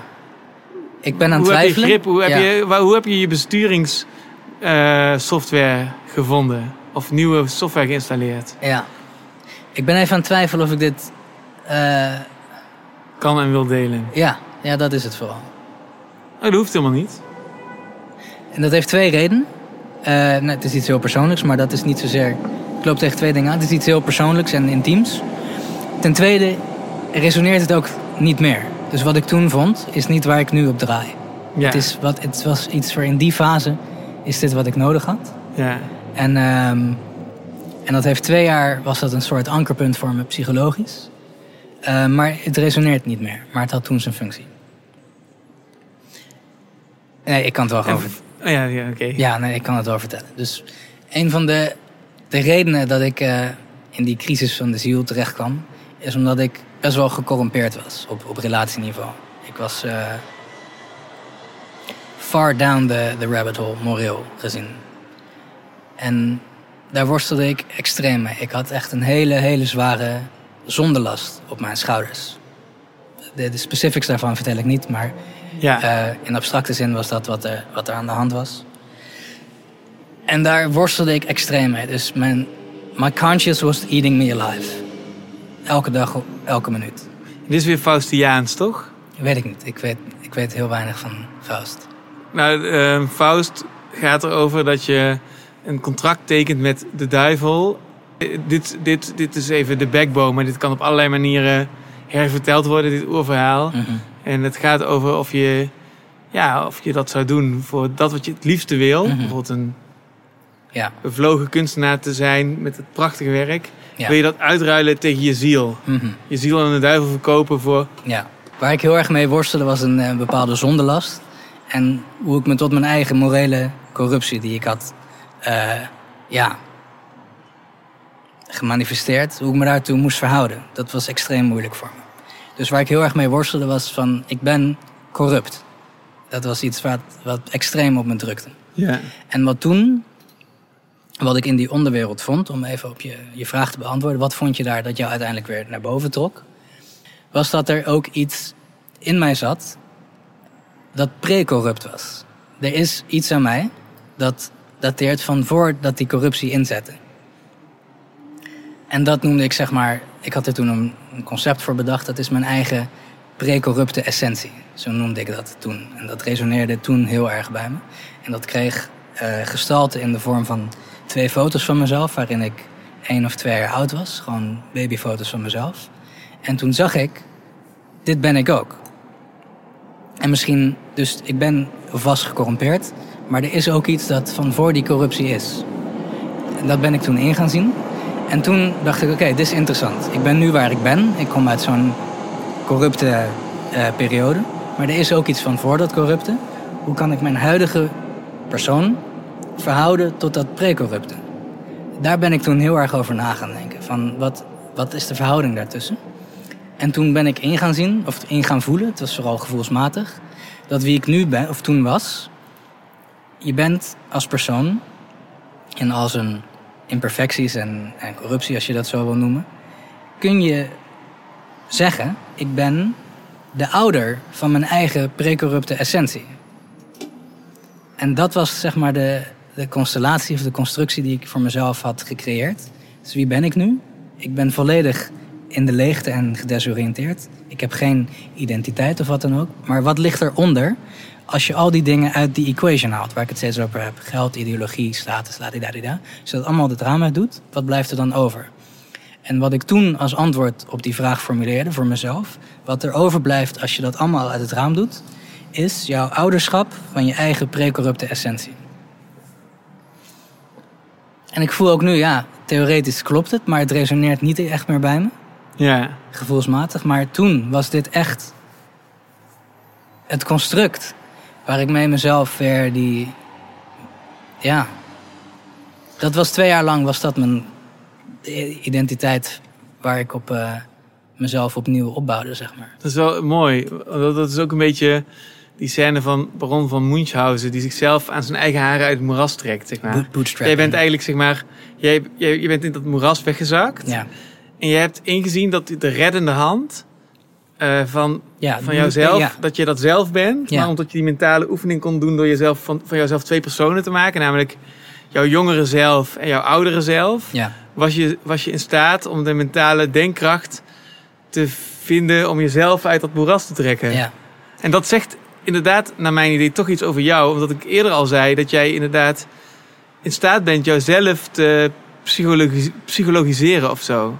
Dat je dus dat allemaal als mentale oefeningen blijkbaar doet. Dat vind ik heel boeiend. Ja, maar het is ook. Dit, dit klinkt dramatisch, maar het vinden van een antwoord op die vraag was een kwestie van leven of dood. Ja. Ik weet niet of het letterlijk leven of dood als in fysiek dood, maar Het voelt als een afgrond. het voelde als een af. En ja, dus dat was een tijd lang mijn obsessie. Die vraag van wat blijft er, wie ben ik? Ja. Als je al die dingen, als je de hele world of form uit het raam doet, wat blijft er dan over? En dit was toen, 2018, 2017, 2018, was dit het, het antwoord dat ik formuleerde voor mezelf. En het klinkt een beetje vreemd als ik er zo over praat en erover terugdenk, omdat het niet meer zo resoneert. Maar ergens snap ik het ook nog steeds wel. Nee, ik vind het mooi. Mm. Ik vind het een mooi eh, idee. Het is interessant dat je dus... dat dit jouw zelfredzaamheidsmechanisme is. Toen was dat, ja, dit, dit construct, ja het, ja, het is een concept uiteindelijk.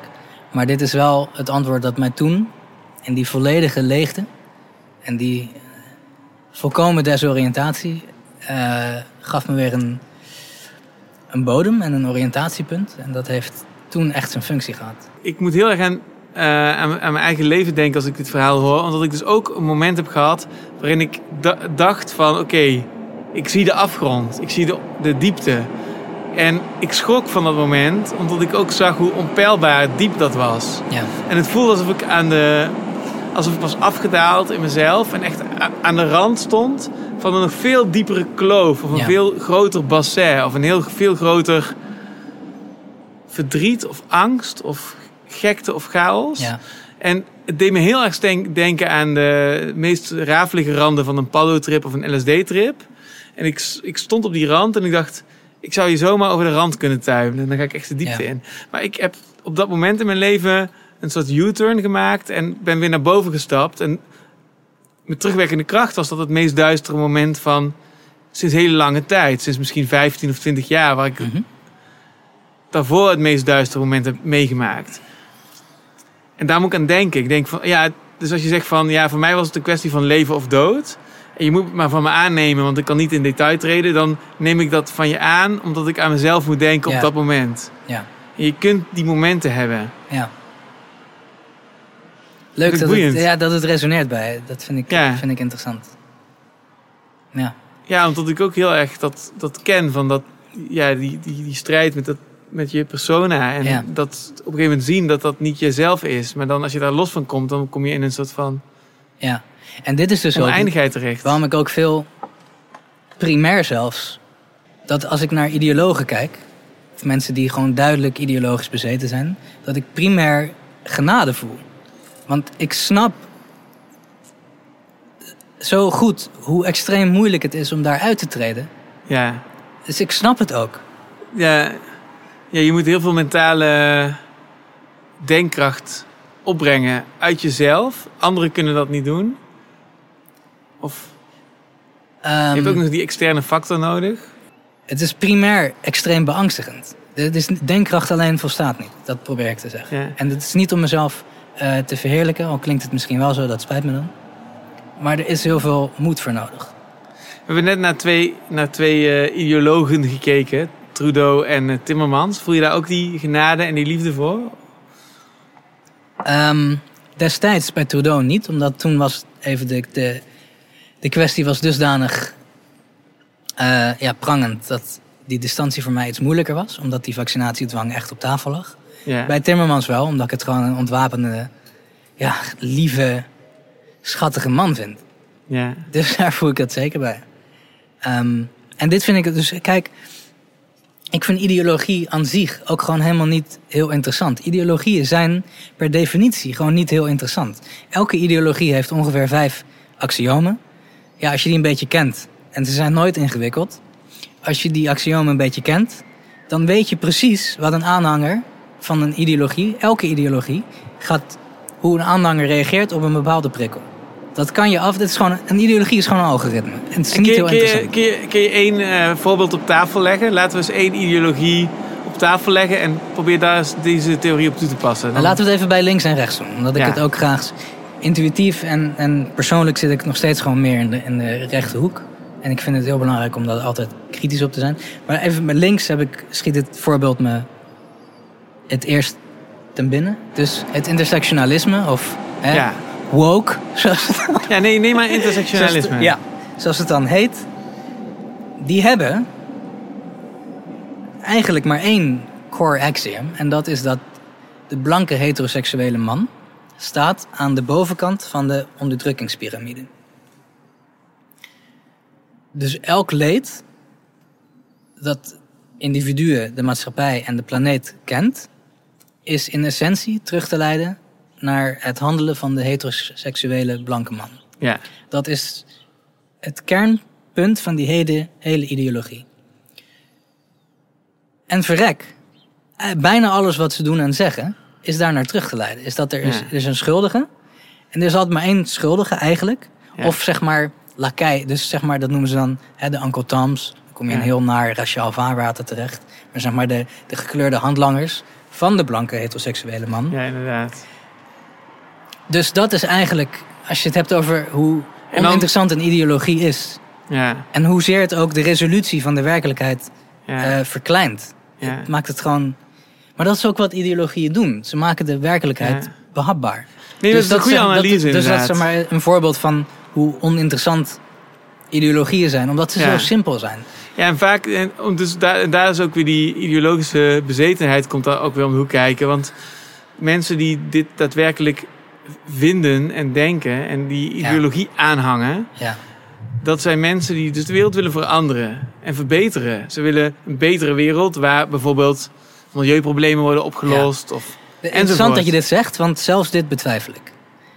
Als ik naar ideologen kijk, dan kijk ik nooit. Ja, dat komt, dat is projectiedeels door mijn Ja. eigen, eigen, eigen route. Ja. Maar als ik ideologen aan het werk zie, dan zie ik nooit primair, oh, die wil de wereld zo graag veranderen op die manier. Ik zie primair een innerlijk psychologisch conflict of gebrek dat Ja. via ideologie veruiterlijkt wordt. Dat Ja. is wat ik primair zie.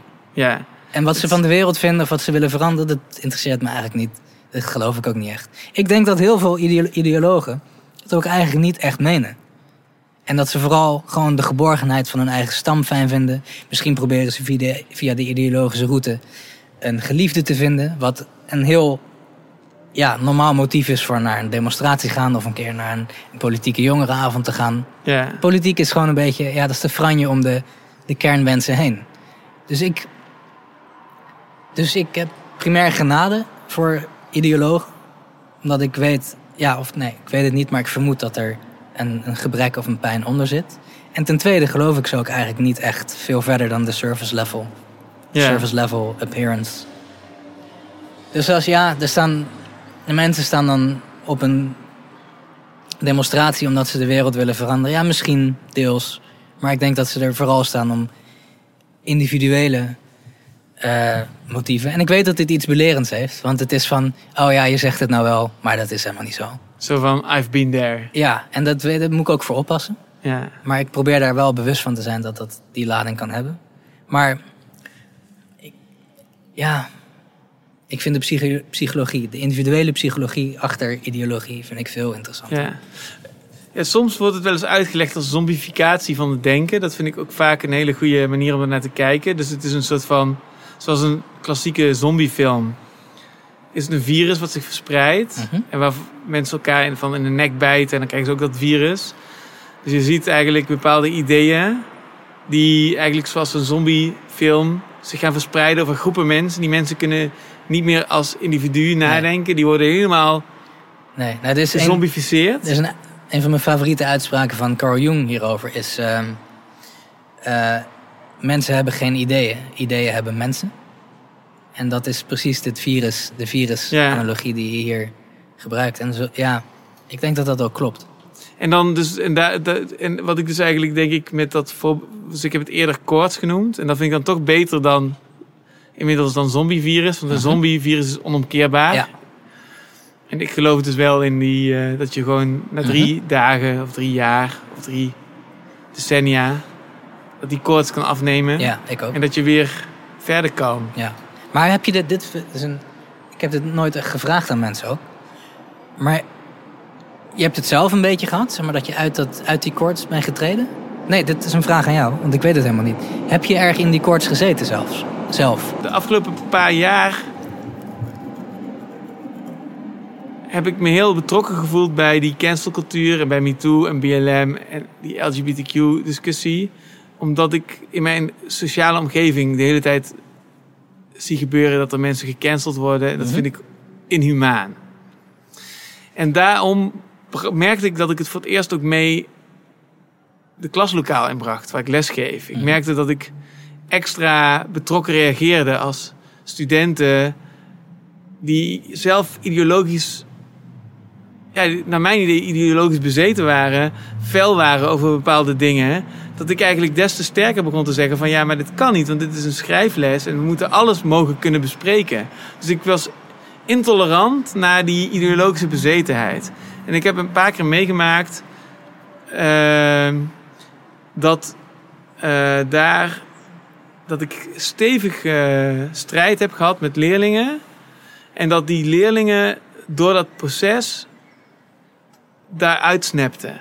En dat vind ik super boeiend. Ja. En ik merkte dat ik merk aan dat ik, dat ik heel erg eh, betrokken ben bij die Ja. ontwikkelingen. Omdat ik zie dat die blik open gaat. Mhm. En in één keer zie ik die leerlingen eh, een bepaalde open blik hebben. Ja. En, dat, en dan denk ik van wauw, dat vind ik zo mooi. Ja. Dus daar zie ik het het meest. Maar ik, maar ik, zou, ik kan ook zeggen, ja, daar, daar zit ik eigenlijk het dichtst in de buurt zelf bij ideologische bezetenheid. Omdat ik daar en daar begint ons gesprek mee, dat je zegt anti-woke is even onsexy als woke. Ja. Ehm, daar word ik de afgelopen jaren door mijn persoonlijke betrokkenheid bij die mensen die gecanceld worden, word ik zelf een klein beetje bezeten. Namelijk Ja. van de gedachte dat ik het, dat ik persoonlijk iets heb uit te vechten. Terwijl ik, daar verlies ik mijn ironische Maar, distantie. ja, maar dit is... Een, Snap dit wat is ik bedoel? ja, zeker. En die zou ik graag even op aan willen haken. Want dit is een vraagstuk waar ik zelf dus nog niet uit ben.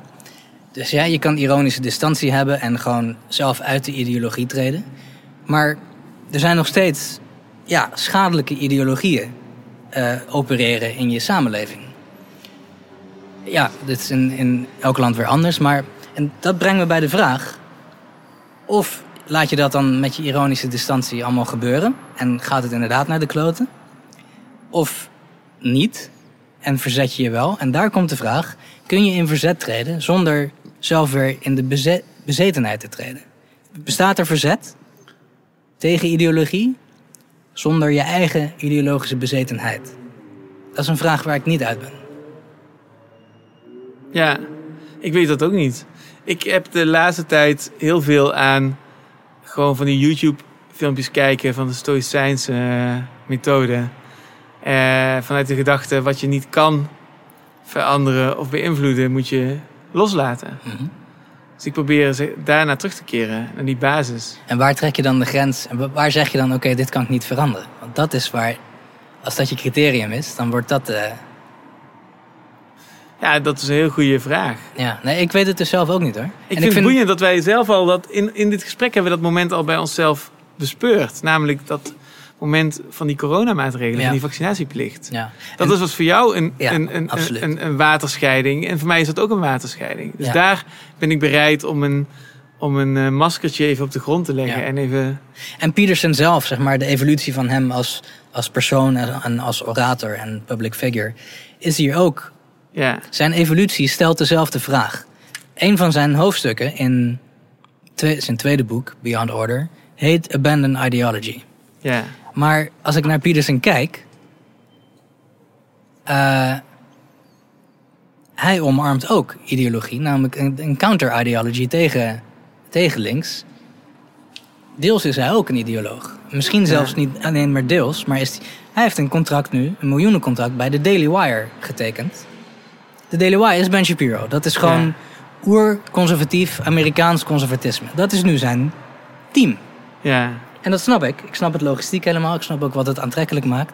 Maar ik betwijfel, en ik hoop dat ik hem deze vraag kan stellen eind september, als dat doorgaat.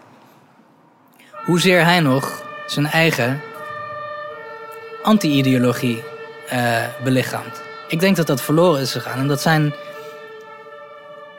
hè, zoals jij dat zo mooi noemde, die vergroeiing. Hè, daar treed je in en treed je uit. Maar hij zit nu weer, voelt hij weer even vergroeid. Ja. Tegen Ja, de transgender eh, dingen. Voor, voor hem is het ook een Faustiaans eh, moment. Hij heeft een soort superstardom. Door één viral video. En omdat hij natuurlijk al 300 video's online had staan, zo ongeveer. Ja. Van allemaal obscure lectures. Ja. Krijgt hij een enorme populariteit onder mensen die worstelen met eh, een volwassenwordingsproces. Of aarde. Of het vinden van hun talent. Allemaal mensen die niet van nature gewend zijn om te- gecomplimenteerd te worden. En die zien in hem een soort goeroe. Verrek, hij heeft 300 video's. En elke keer als ik één zo'n video aanklik, voel ik me weer iets beter. Want ik kan die reis beginnen die jij ook beschrijft. Ja. En dat is niet niks. En daarin raakt hij bevestigd. En daarin groeit zijn superego, zijn, zijn avatar, zijn persona. En uiteindelijk wordt hij ja, toch een soort goeroe voor al die volgelingen die hem aanbidden. En ik geloof dat dat waar is. Ik geloof dat al die men- mensen stuk voor stuk iets aan hem hebben. En ja, het enige, de enige die moet oppassen, dat is hij zelf. Ja. En hij is ook op ja. de rand van de dood geweest, hè, toch? Ja, Hij is... Maar wat, wat wat je nu zegt, hij weet het. En Ja, natuurlijk weet hij dit. Jung, Carl Jung noemde dit, eh, er zijn heel veel woorden voor, maar Carl Jung noemde dit inflatie. En dat is dus als je jezelf, als je begint te geloven dat het goede in jou. Nee, hoe zegt hij dat nou? Nou, even, ik hou het even simpel. Inflatie is als je begint te geloven in wat andere mensen zeggen dat je bent. Ja. Eh, en dat als je die distantie kwijtraakt, Wat gebruiken we vaak het woord distantie in het gesprek? Eh, ja, dat is een risico. Omdat dan ligt grootheidswaanzin en, en religieus delier eh, op de loer. Niet dat ik Peterson daarvan beschuldig, maar het is wel... Zelf, dus niet religieuze waanzin of delier, maar zelfoverschatting ligt wel degelijk. Eh, maar het is de- hij weet het ook allemaal. Dus Peterson heeft alle instrumenten in zich om dit in zichzelf te zien. Ja. En ik, ik vraag me gewoon af waar die is op dit moment. Want hij heeft ook zijn eigen kruistocht tegen eh, transgenderisme eh, geopend eigenlijk. En hij weigert ook die tweet te verwijderen. Hij is niet meer op Twitter. Omdat hij één tweet, nou heel veel... Hij is heel vervelend op Twitter. Dat moet ik gewoon zeggen. Dat is niet te doen. Dat is gewoon je boze oom. Het, generiek, dat heb je gewoon niet nodig. Hij is goed als hij gewoon lang kan monologen over Ja. een of andere hoofdstuk in het Oude Testament. Dan is hij op zijn best. Ik hoop dat het doorgaat. Hij is dus 24, 25 september is hij in Nederland. Ja. En zijn team zei dat hij wil heel graag een interview doen, maar hij- ze doen normaal geen interviews meer on show days. Hij is maar twee dagen en hij heeft twee shows. Dus eh, hij laat het een week van tevoren weten of hij, dat, of hij daar de energie voor heeft. Dus dan, eh, ja, daar kijk ik naar uit. Er- Ergens kijk ik er ook een beetje tegenop, omdat ik, dit wordt mijn eerste interview, als ik daar zit, dat ik ook kritiek ga hebben. Ja. Omdat we allebei gewoon zijn veranderd. En dat mag benoemd. Ja. Dus de, de meesterproef van de meester-leerling verhouding. Hmm. Ja. Dan moet je de meester verslaan. En dan aan het einde, dan, dan, dan, dan geef je een soort dolksteek. Ja. Recht in zijn hart. En dan dematerialiseert hij, poef. En dan die stofwolk wordt dan weer gewoon hem zonder wapens. En dan zegt hij zo van... Je hebt mij verslagen. En dan is hij toch weer de baas. En dat was dan de... Maar- Zo zou het in een film zijn, toch? Misschien. Ja, misschien. Ja, en er is nog iets waar ik naar uitkijk. Om het met hem over perennial philosophy te hebben. Dus dat waar we het net al even, Ja. eerder al even over hadden. Dus waar Petersons denken meestal ophoudt, is waar dat perennial philosophy eigenlijk begint. Ja, je, ik, ik ben net vergeten te vragen, maar ik heb wel, de vraag heeft wel vaak in mijn hoofd Mhm. gespookt. Wat bedoel je pre- precies met perennial? Kun je dat woord duiden? Nee, het woord eigenlijk niet. Ik weet dat het zo heet. En wat, wat het woord eigenlijk betekent is dat ouderlijk moet er uitspreken. Volgens mij is dat parental. Dus ik denk dat het daar vandaan komt. En wat ze bedoelen mee, daarmee is dat het de veronderstelde kern is van eigenlijk elke religieuze en spirituele traditie. Ja. En Aldous Huxley, schrijver van eh, eh, Brave New World en zo, Ja. die, heeft, ehm, die heeft er een boek over geschreven, laat in zijn carrière. Dat heet Perennial Philosophy, waarin hij verkent eigenlijk dat alle tradities een ver- heel vergelijkbare kern hebben. En dat is, gaat enkel en alleen over de leegte die die Belgische Ja. filosoof aanhaalde net. Want dit is misschien nog wel even interessant. Dus ik heb een tijdje terug verteld, in dit gesprek een tijdje terug, over wat voor mij even dat construct, dat concept was wat mij redde in 2016, 17. Mhm. Maar dat het nu niet meer resoneert. Dus omdat het een concept is. En concepten zijn vergankelijk. Ja, die komen en gaan. Ladidadida. En dat, de perennials zeggen eigenlijk hetzelfde. Dus, die, dus als we even weer de vraag stellen... wat blijft er over als je alles uit de vergelijking haalt?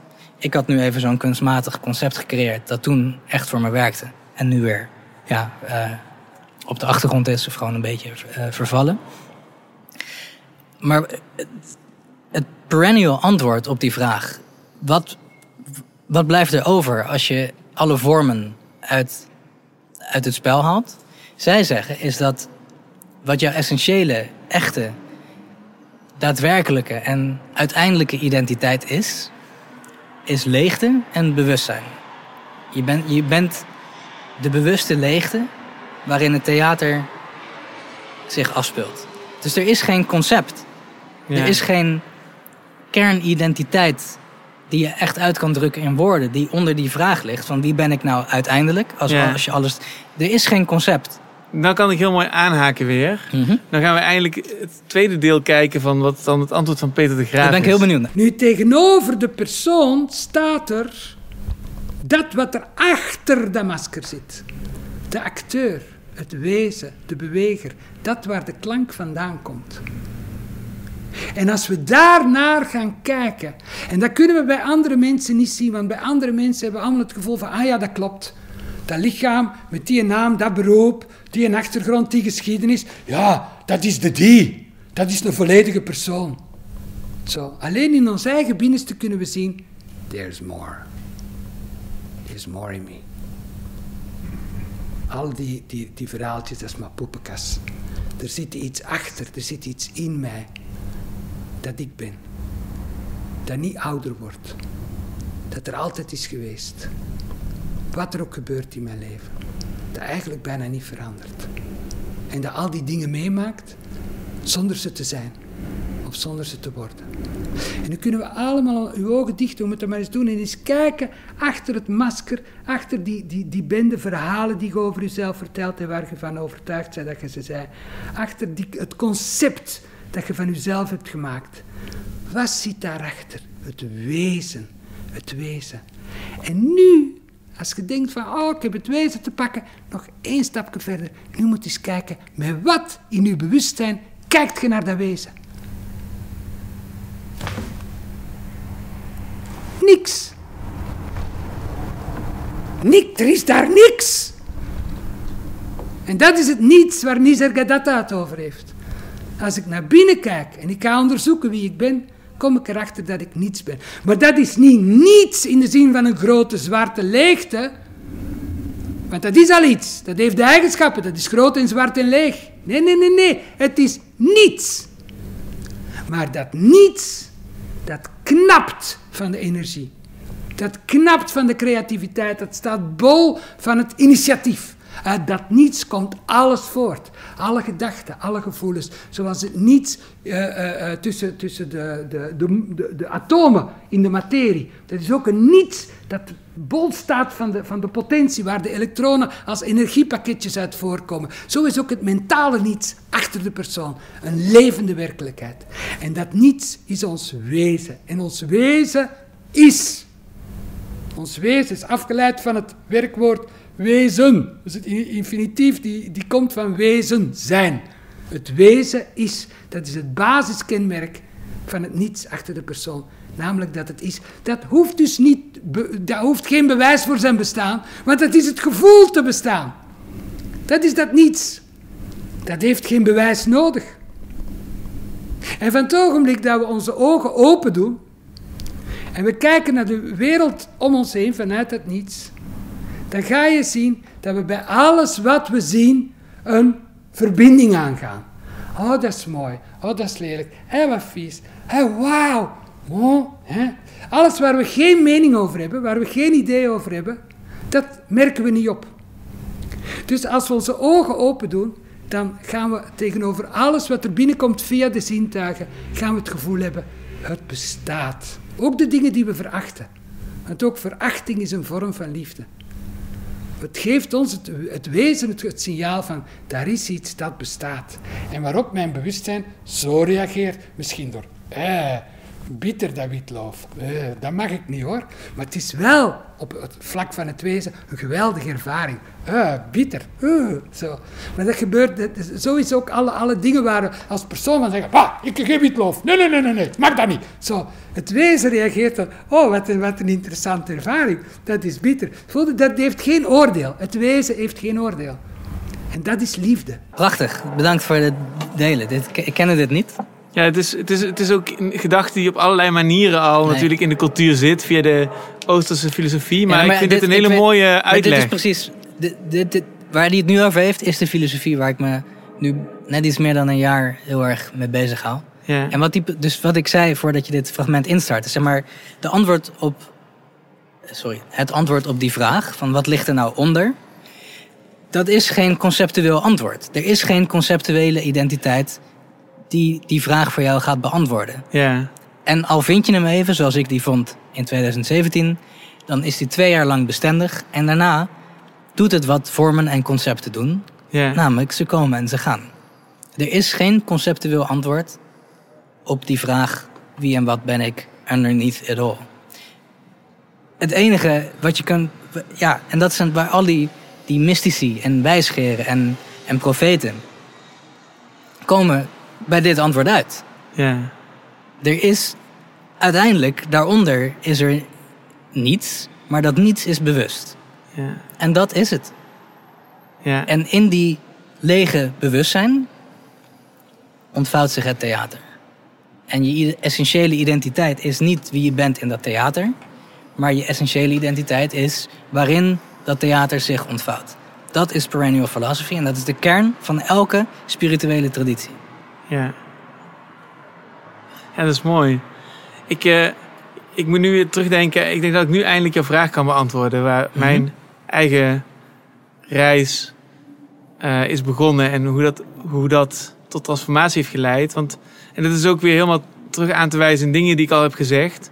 Dus ik begon het leven vanuit een ironische distantie. Dat is een schild. Omdat ik als verlegen jongen...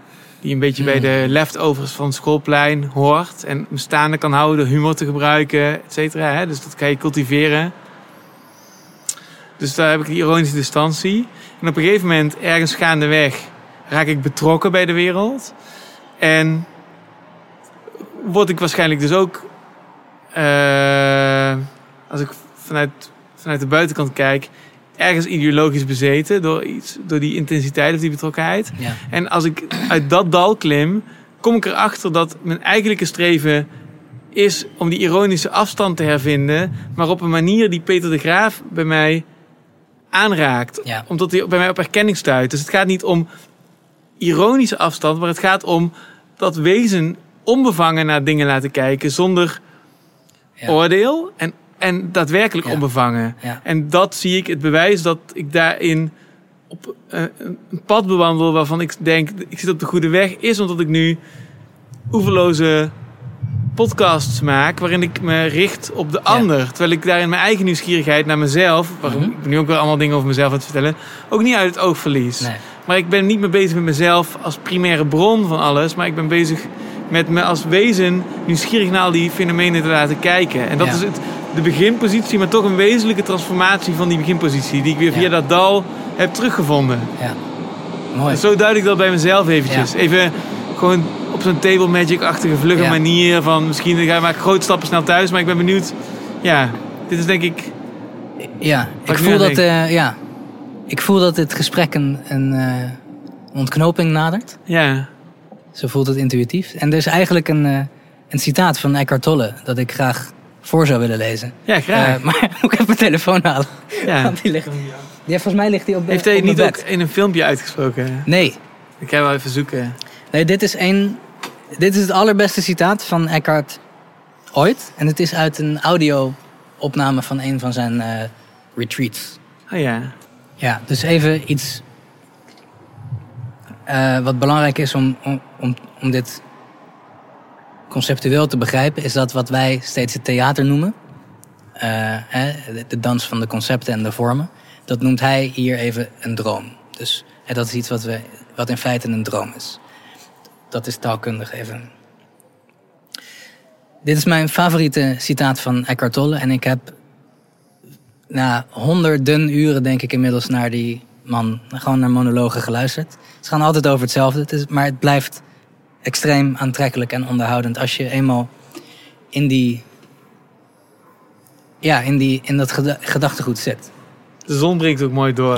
ja, wat is Merk je het? Wat een, eh, wat een synergie met, eh, met de wereld hier. Nee, hoe heet dat? Ik ga hem voorlezen. The person cannot transcend itself. The person is identification with thought. The person is consciousness dreaming. But if consciousness awakens, the person is still there. But it becomes lucid dreaming, which is lucid living. Ja. Dat is, eh, ja. Vind ik een van de mooiste teksten die ik ooit eh, uitgesproken heb horen worden. Maar het kostte even voordat ik überhaupt kon begrijpen waar dit in godsnaam over ging. Dit gaat eigenlijk over waar we het hele. Dus hij noemt identification with thought. Is wat wij noemen die vergroeiing tussen hè, wat je denkt, wat je van de wereld vindt. Dus die ver- vergroeiing tussen ideologie en wie je denkt dat je bent. Ja. Dat is voor hem is ide- identification with thought. Voor hem is zeg maar eh, die thought forms en die concepten zijn een soort droom. Die, hebben, die lijken meer op een droom dan op een daadwerkelijke realiteit. Ja. En Hij zegt: The person cannot transcend itself, because the person is die vergroeiing Ja. van dat masker en gedachten en concepten. Een persoon is die optelsom van wat we vinden, wat we doen, wat we denken, eh, welke relaties we hebben, onze status. Dat is de persoon. Ja. De persoon is identificatie met concept. Dat is wat een persoon is in, zijn, ja, in de perennial eh, traditie. Ja. Dus hij zegt: The person is consciousness dreaming. Dus al die concepten, al die vormen, eh, is iets, is in feite een droom. Het heeft een droomachtige kwaliteit. Meer dan dat het daadwerkelijk bestaat. En hij zegt: If consciousness awakens, wat niets minder betekent, niets meer betekent dan wat de Belgische filosoof hier eh, vertelt, namelijk dat je in begint te zien en voelt dat er een onderliggende leegte is. Die bewust is, is bewust en leeg en that's it. If consciousness awakens, the person is still there. Dat is zo, want we bestaan nog steeds in the world of form, in the, form, in the world of concept. Daar, we, we, het is niet alsof we niet meer in het theater staan. We staan er nog steeds. Ja. Dus if consciousness awakens, the person is still there. We staan nog steeds in het theater. Maar dan komt de slotzin. Maar die droom van het theater is lucid dreaming. Dus we weten dat we dromen. We weten dat het theater waar we in staan een droom is. Meer Ja. op droom lijkt dan dat het daadwerkelijk echt is. En, maar we zijn in die droom, zijn we bewust van het feit dat we dromen. En dat is wat hij bedoelt met... But it becomes lucid dreaming, Ja. which is lucid living. Dat is wat hij, eh, wat hij bedoelt. En waarom raakt het je zo? Omdat het... Omdat deelnemen aan het theater... Wetende dat je droomt... Dat is een van de fijnste dingen die er zijn. Omdat... eh, ja... Wat kan je dan nog overkomen? Ja. Ik moet de laatste jaren heel vaak denken, als ik hierover na, over deze concepten nadenk en over deze reis in hoofden of in mijn eigen hoofd, Mhm. dan moet ik altijd denken aan eh, The Matrix en dat einde van The Matrix. Dus The Matrix is een film waarbij... Einde van, einde van deel 1? Het einde van deel 1, sorry. Ja. Dus je hebt Neo, Thomas Neo Anderson of Thomas, zo. Thomas Anderson. Ja. Mr. Anderson. Totale saaie man. Heeft de computer, als computerprogrammeur werkt hij. En op een gegeven moment komt hij erachter dat hij in de Matrix zit. Dus dat zijn leven een computersimulatie is. Ja. En heeft ook een soort... Dat is ook een echte wereld. Dat is die wereld waar hij uitgeplucht wordt. Hè? Ja. En dan gaan ze dit zo inpluggen, uitpluggen die wereld in. En dat moet hij die wereld masteren. Ja. Zeg maar, hij moet leren Ja. om zijn wil te buigen. Dat is dan op een gegeven moment dat lepeltje wat zo buigt. En dat kan hij op een gegeven moment zo... Ja. Achterstevoren bij die kogels. Hè? Ja. En wat zo mooi is in het allerlaatste deel, of in het eerste deel aan het einde, is dat hij echt een meester wordt van die spelregels van de Matrix. Dus de Matrix, dus wat mij dat zegt, is dat iedereen is in zijn eigen leven Neo. En de wereld is de Matrix. En die wereld staat vast. Die wetten staan vast. En je weg, de, je hero's journey. Als je, deze, als je die toepast op de Matrix, dan is jouw zoektocht nadat je dus Neo wordt in die eindscène. Dat hij in één keer met zijn hand duizend kogels kan tegenhouden. Ja. En dat hij kan vliegen. Hij en dat hij, dus die wereld blijft al die wereld, maar je kan hem zelf buigen en vormen. En dat is die, wat jij in Edgar Tolle eh, lucid dreaming noemt. Dus Ja, je, wordt luc- absoluut. je bent lucide aan het dromen en je kan in één keer... Ja. En dat is iedereen die ik, waarbij ik zie dat ze eerst leven en dan in dat dal terechtkomen, van die possession terechtkomen. En daarna dat, dat overkomen. En dan in dat weer terug in het leven komen. Die worden een beetje die Neo die Ja. die kogels kan tegenhouden. En, en dat kan, kan waar, waar, waar ik niet mee bedoel van, oké, we kunnen nu vliegen. Dat, Nee. dat, daar gaat het niet om. Vliegen voor mij is niet hoeven lijden. Het is, Ik het hoef is, niet te vliegen. Ik wil alleen niet lijden. Niet te veel. het is ook je wil Lucie- buigen. Ja, Of ik wil de, de wereld zo buigen dat het gaat werken voor jou. ja. Maar die kogels tegenhouden, dat, dat resoneert al iets meer. Hoor. Ja, wat, Dat, ja. als je essentiële identiteit louter eh, een bewuste leegte is, leegte is, die volstrekt volmaakt, volstrekt eh, onschendbaar is, ja, dan is het allemaal wel goed. Ja. Maar, hoe bestrijd je een vijandige ideologie vanuit zo'n leegte? Ja, dat weet ik niet. dat is een vraag waar ik niet uit ben.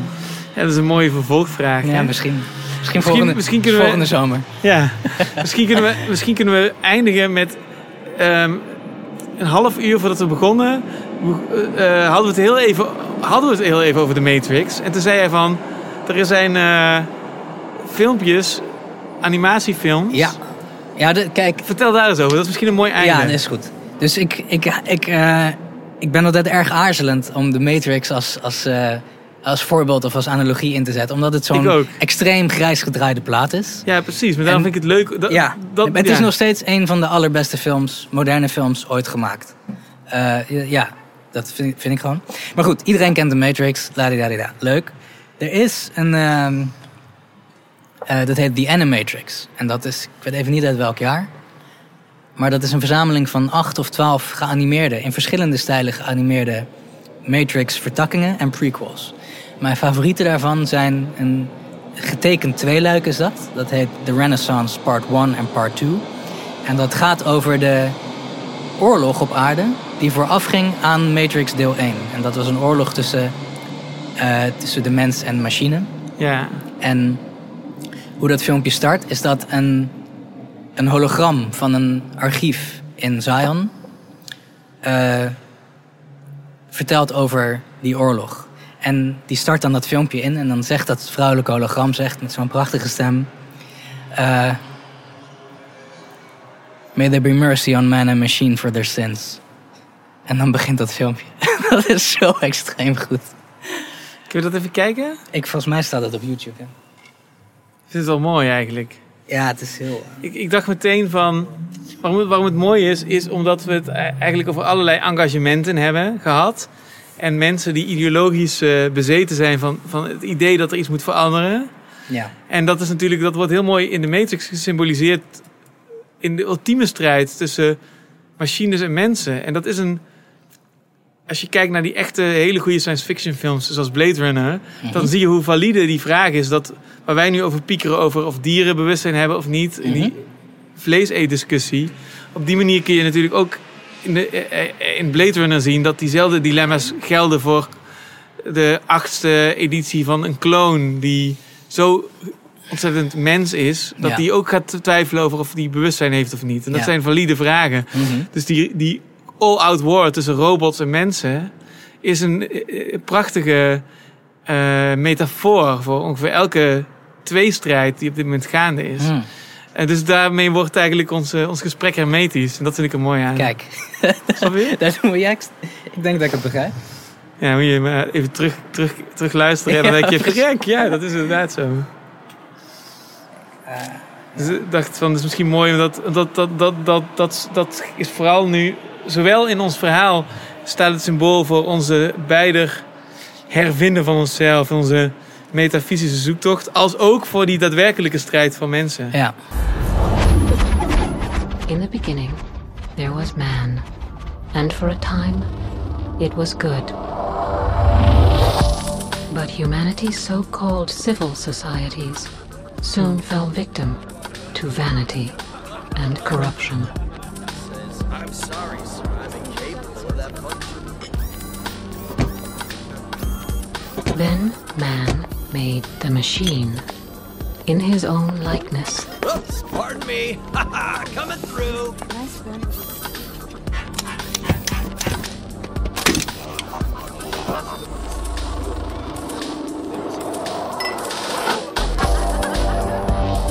Thus did man become the architect of his own demise. But for a time, it was good.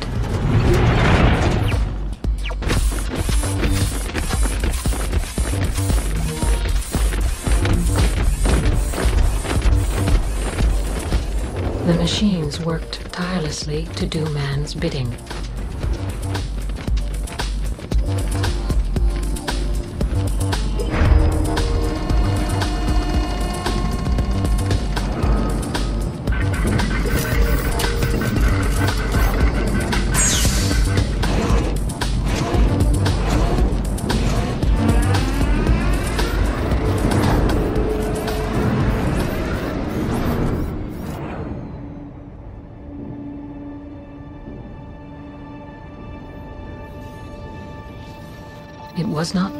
Long before seeds of dissent took root.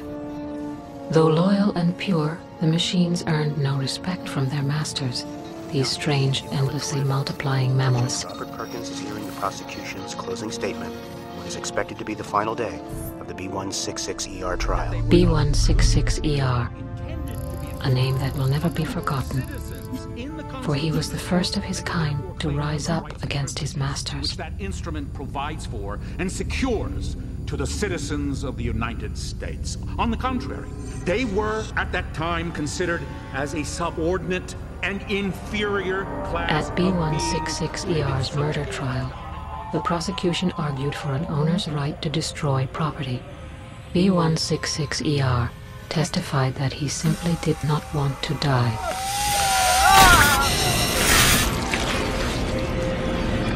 Rational voices dissented.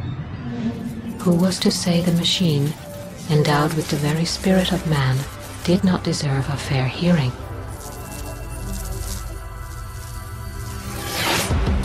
The leaders of men were quick to order the extermination of B166ER E and every one of his kind throughout each province of the earth. Androids and liberal sympathizers flooded the streets of the nation's capital today in protest of the sentence. thousand domestic mechanicals and their human sympathizers have continued their demonstration in front of the Albany District Courthouse in what has now been dubbed the Million Machine March. The demonstrators have been met with squads of civil defense forces in riot gear.